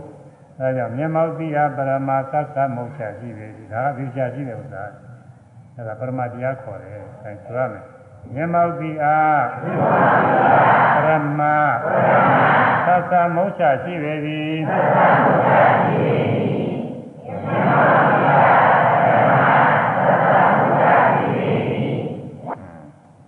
အဲ့ဒါလေးနှစ်ပုဒ်အရေးကြီးတယ်အမြင်ချင်းသိအားမရှိလားပညာသူလည်းညီပဲသည်ဒါအမျက်ပညာမျက်မှောက်သိအားပရမသစ္စာမုတ်ချရှိပေသည်အဲ့ဒါ မျက်မှောက်ကိုယ်တိုင်တွေ့ပြီးသိရတဲ့တရားဆိုရင်ပရမတရားပဲတကယ်ကိုရှိတဲ့တရားတဲ့အခုဝိပဿနာရှိတာတွေတကယ်ရှိတဲ့တရားတွေရှိရတာတကယ်မြင်မှမြင်တယ်ရှိရတာတကယ်ကြားမှကြားတယ်ရှိရတာခေါင်းနဲ့ပိန်နဲ့ဆိုတာလည်းတကယ်ရှိလို့ပဲဟောပြီးတော့တက်ကြွလာလိုက်တောင်းတာတင်းတာတွန်းကန်တာလှုပ်ရှားတာဝါယောဓာတ်တွေပဲတကယ်ရှိတာတွေအဲ့ဒါတွေရှုမှနေစိတ်ကူးရင်စိတ်ကူးတာတကယ်ရှိတာပဲညောင်းတာပူတာနာကြည့်ခဲတာဒုက္ခဝေဒနာတွေတကယ်ရှိတာတွေပဲ အဲတကယ်ရှိတာတွေရှုနေရတာပရမတရားတွေရှုရတာအဲ့ဒါလေးနားလည်ထားရတယ်ဒီဟောဒီငင်္ဂဆောင်ပုဂ္ဂိုလ်တွေကရေးကြည့်ပါလေပြီးပွဲရာရာသိစေတာပညာဟုခေါ်သည်ကခမကညီခြင်းတရားမရှိလားပညာသူလည်းညီပဲသည်ကားငယ်မှာကမျက်မှောက်တရားပရမသစ္စာမုတ်ချရှိပေသည်အဲ့ဒါလေးသုံးဖို့နောက်လည်းရှိတဲ့အခါကြီးတော့ငါတော့စာလုံးကလည်းအဲ့ဒီကြောင့်ပြောတော့ဖြစ်ပြီနားလည်းညက်နာတယ်သိအောင်မှပဲလေ အဲထောက်ဆရည်သိစေသောအမိကဥပနိဒာပညာတဲ့ဇွန်တစ်ခုထောက်ဆပြီးတော့သိစေသောအမိသာကတော့အနည်းမဟုတ်ဘူးပထမစိနာမကိုဆွဲကြည့်ပြီးတော့နှစ်နာမကိုဒုတိယနှစ်ခုမြောက်လို့ခေါ်တာနှစ်ခုမြောက်ဆွဲကြည့်ပြီးတတိယခေါ်အဲဒီလိုအဲထောက်ဆပြီးတော့ခေါ်ရတာဒုတိယရတတိယရသုထပြသမစသည်တွေပေါ့လေနောက်အရှိအတိုးတဲ့အချင်းချင်း အတိုးကိုအကြောင်းပြုပြီးအရှိခေါ်အရှိကိုအကြောင်းပြုပြီးတော့အတိုးခေါ်ရတယ်တရားနှိမ့်တယ်အဲပုတယ်တရားရှည်တယ်မြင့်တယ်စသည်ဖြင့်ဒါတွေအကုန်လုံးအဲ့ဒါတွေထောက်ဆပြီးတော့အချင်းချင်းထောက်ဆပြီးတော့သိစေတဲ့အညီတွေပဲအနီးအဝေးတဲ့အဝေးကိုအကြောင်းပြုပြီးအနီးအနီးကိုအကြောင်းပြုပြီးအဝေးဒီလိုသိစေတာဒုက္ခိုင်ထားသူဒုက္လက်၌ရှိသူပေါ့လေသာပါဠိသုံးကတော့ဒုက္လက်၌ရှိသူ ဗမာကတော့ဒုက္ခိုင်ထားသူထီးဆောင်သူတဲ့ဒါလည်းထီးလက်၌ရှိသူအဲဒါလက်၌ရှိတဲ့အရာဝတ္ထုကိုထောက်ဆပြီးတော့ခေါ်ရတဲ့အညီပဲတဲ့ဒုရှိသူဒုက္ခိုင်ထားသူထီးဆောင်သူထီးရှိသူဒီလိုဟာတွေပေါ့လေသဘာလဲသဘာတွေထည့်ထားလို့အဲပေါ်မှာသွားတယ်တင်တာသမာရောပိတသူ့ပေါ်မှာတင်တာသူ့ထဲမှာထည့်ထားတာအကြောင်းပြုပြီးတော့ခေါ်တဲ့မြည်တဲ့သဘာတွေထည့်ထားလို့သဘာလဲစီတွေထည့်ထားလို့စီအိုးအဲဆံအိုး စီဘုံဆံဘုံစသည်တွေပေါ်လေဒီတော့အများကြီးပြီးတော့အများကိုငဲ့ပြီးတော့ကြားအိုင်နဲ့အဲဒီဒီအိမ်နဲ့ကြားတွေကများလို့တတိယလည်းရှိတော့ရှိတာပဲဆိုတော့ကြားတွေများတော့ကြားရင်ခေါ်တယ်အဲရွာတစ်ခုမှလည်းပုံသားတွေများလို့ချင်းပုံသားရွာခေါ်တယ်ခုကလာကလားရွာတို့ဘာလို့လူသားတွေခေါ်တယ်အဲဒါတွေများတာကြောင့်ဒီထဲမှာ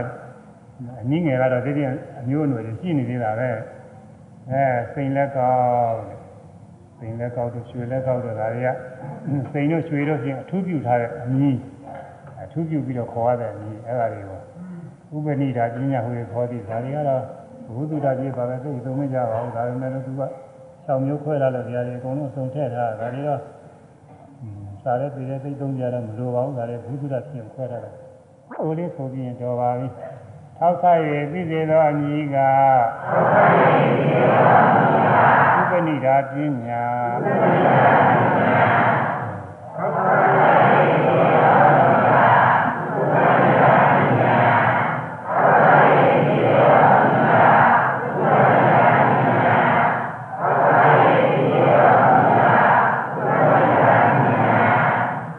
ပထမကိုထောက်ပြီးဒုတိယဒုတိယထောက်ပြီးတတိယစသည်ဖြင့်ဘာလို့လဲပါလဲ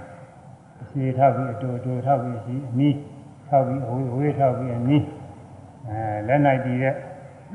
ဝတ္ထုကိုထောက်စားပြီးဒုက္ခိုင်ထားပြီးဒုလက်ရှိသူကြီးကင်ထားလို့ကြီးဆောင်သူကြီးရှိသူလို့ခေါ်ရတယ်။လဲပေါ်စကားတွေရှိရင်လို့စကားလဲအဲ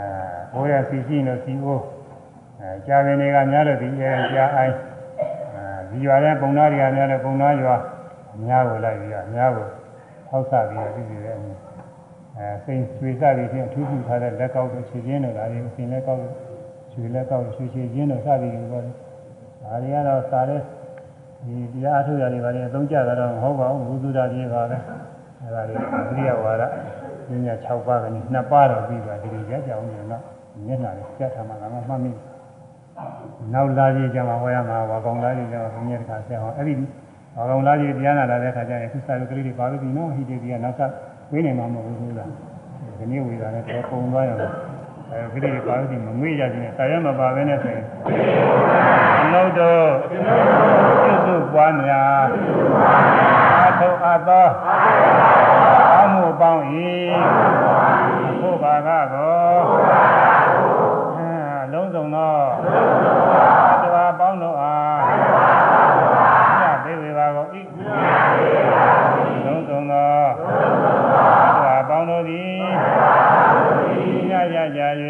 Yeah.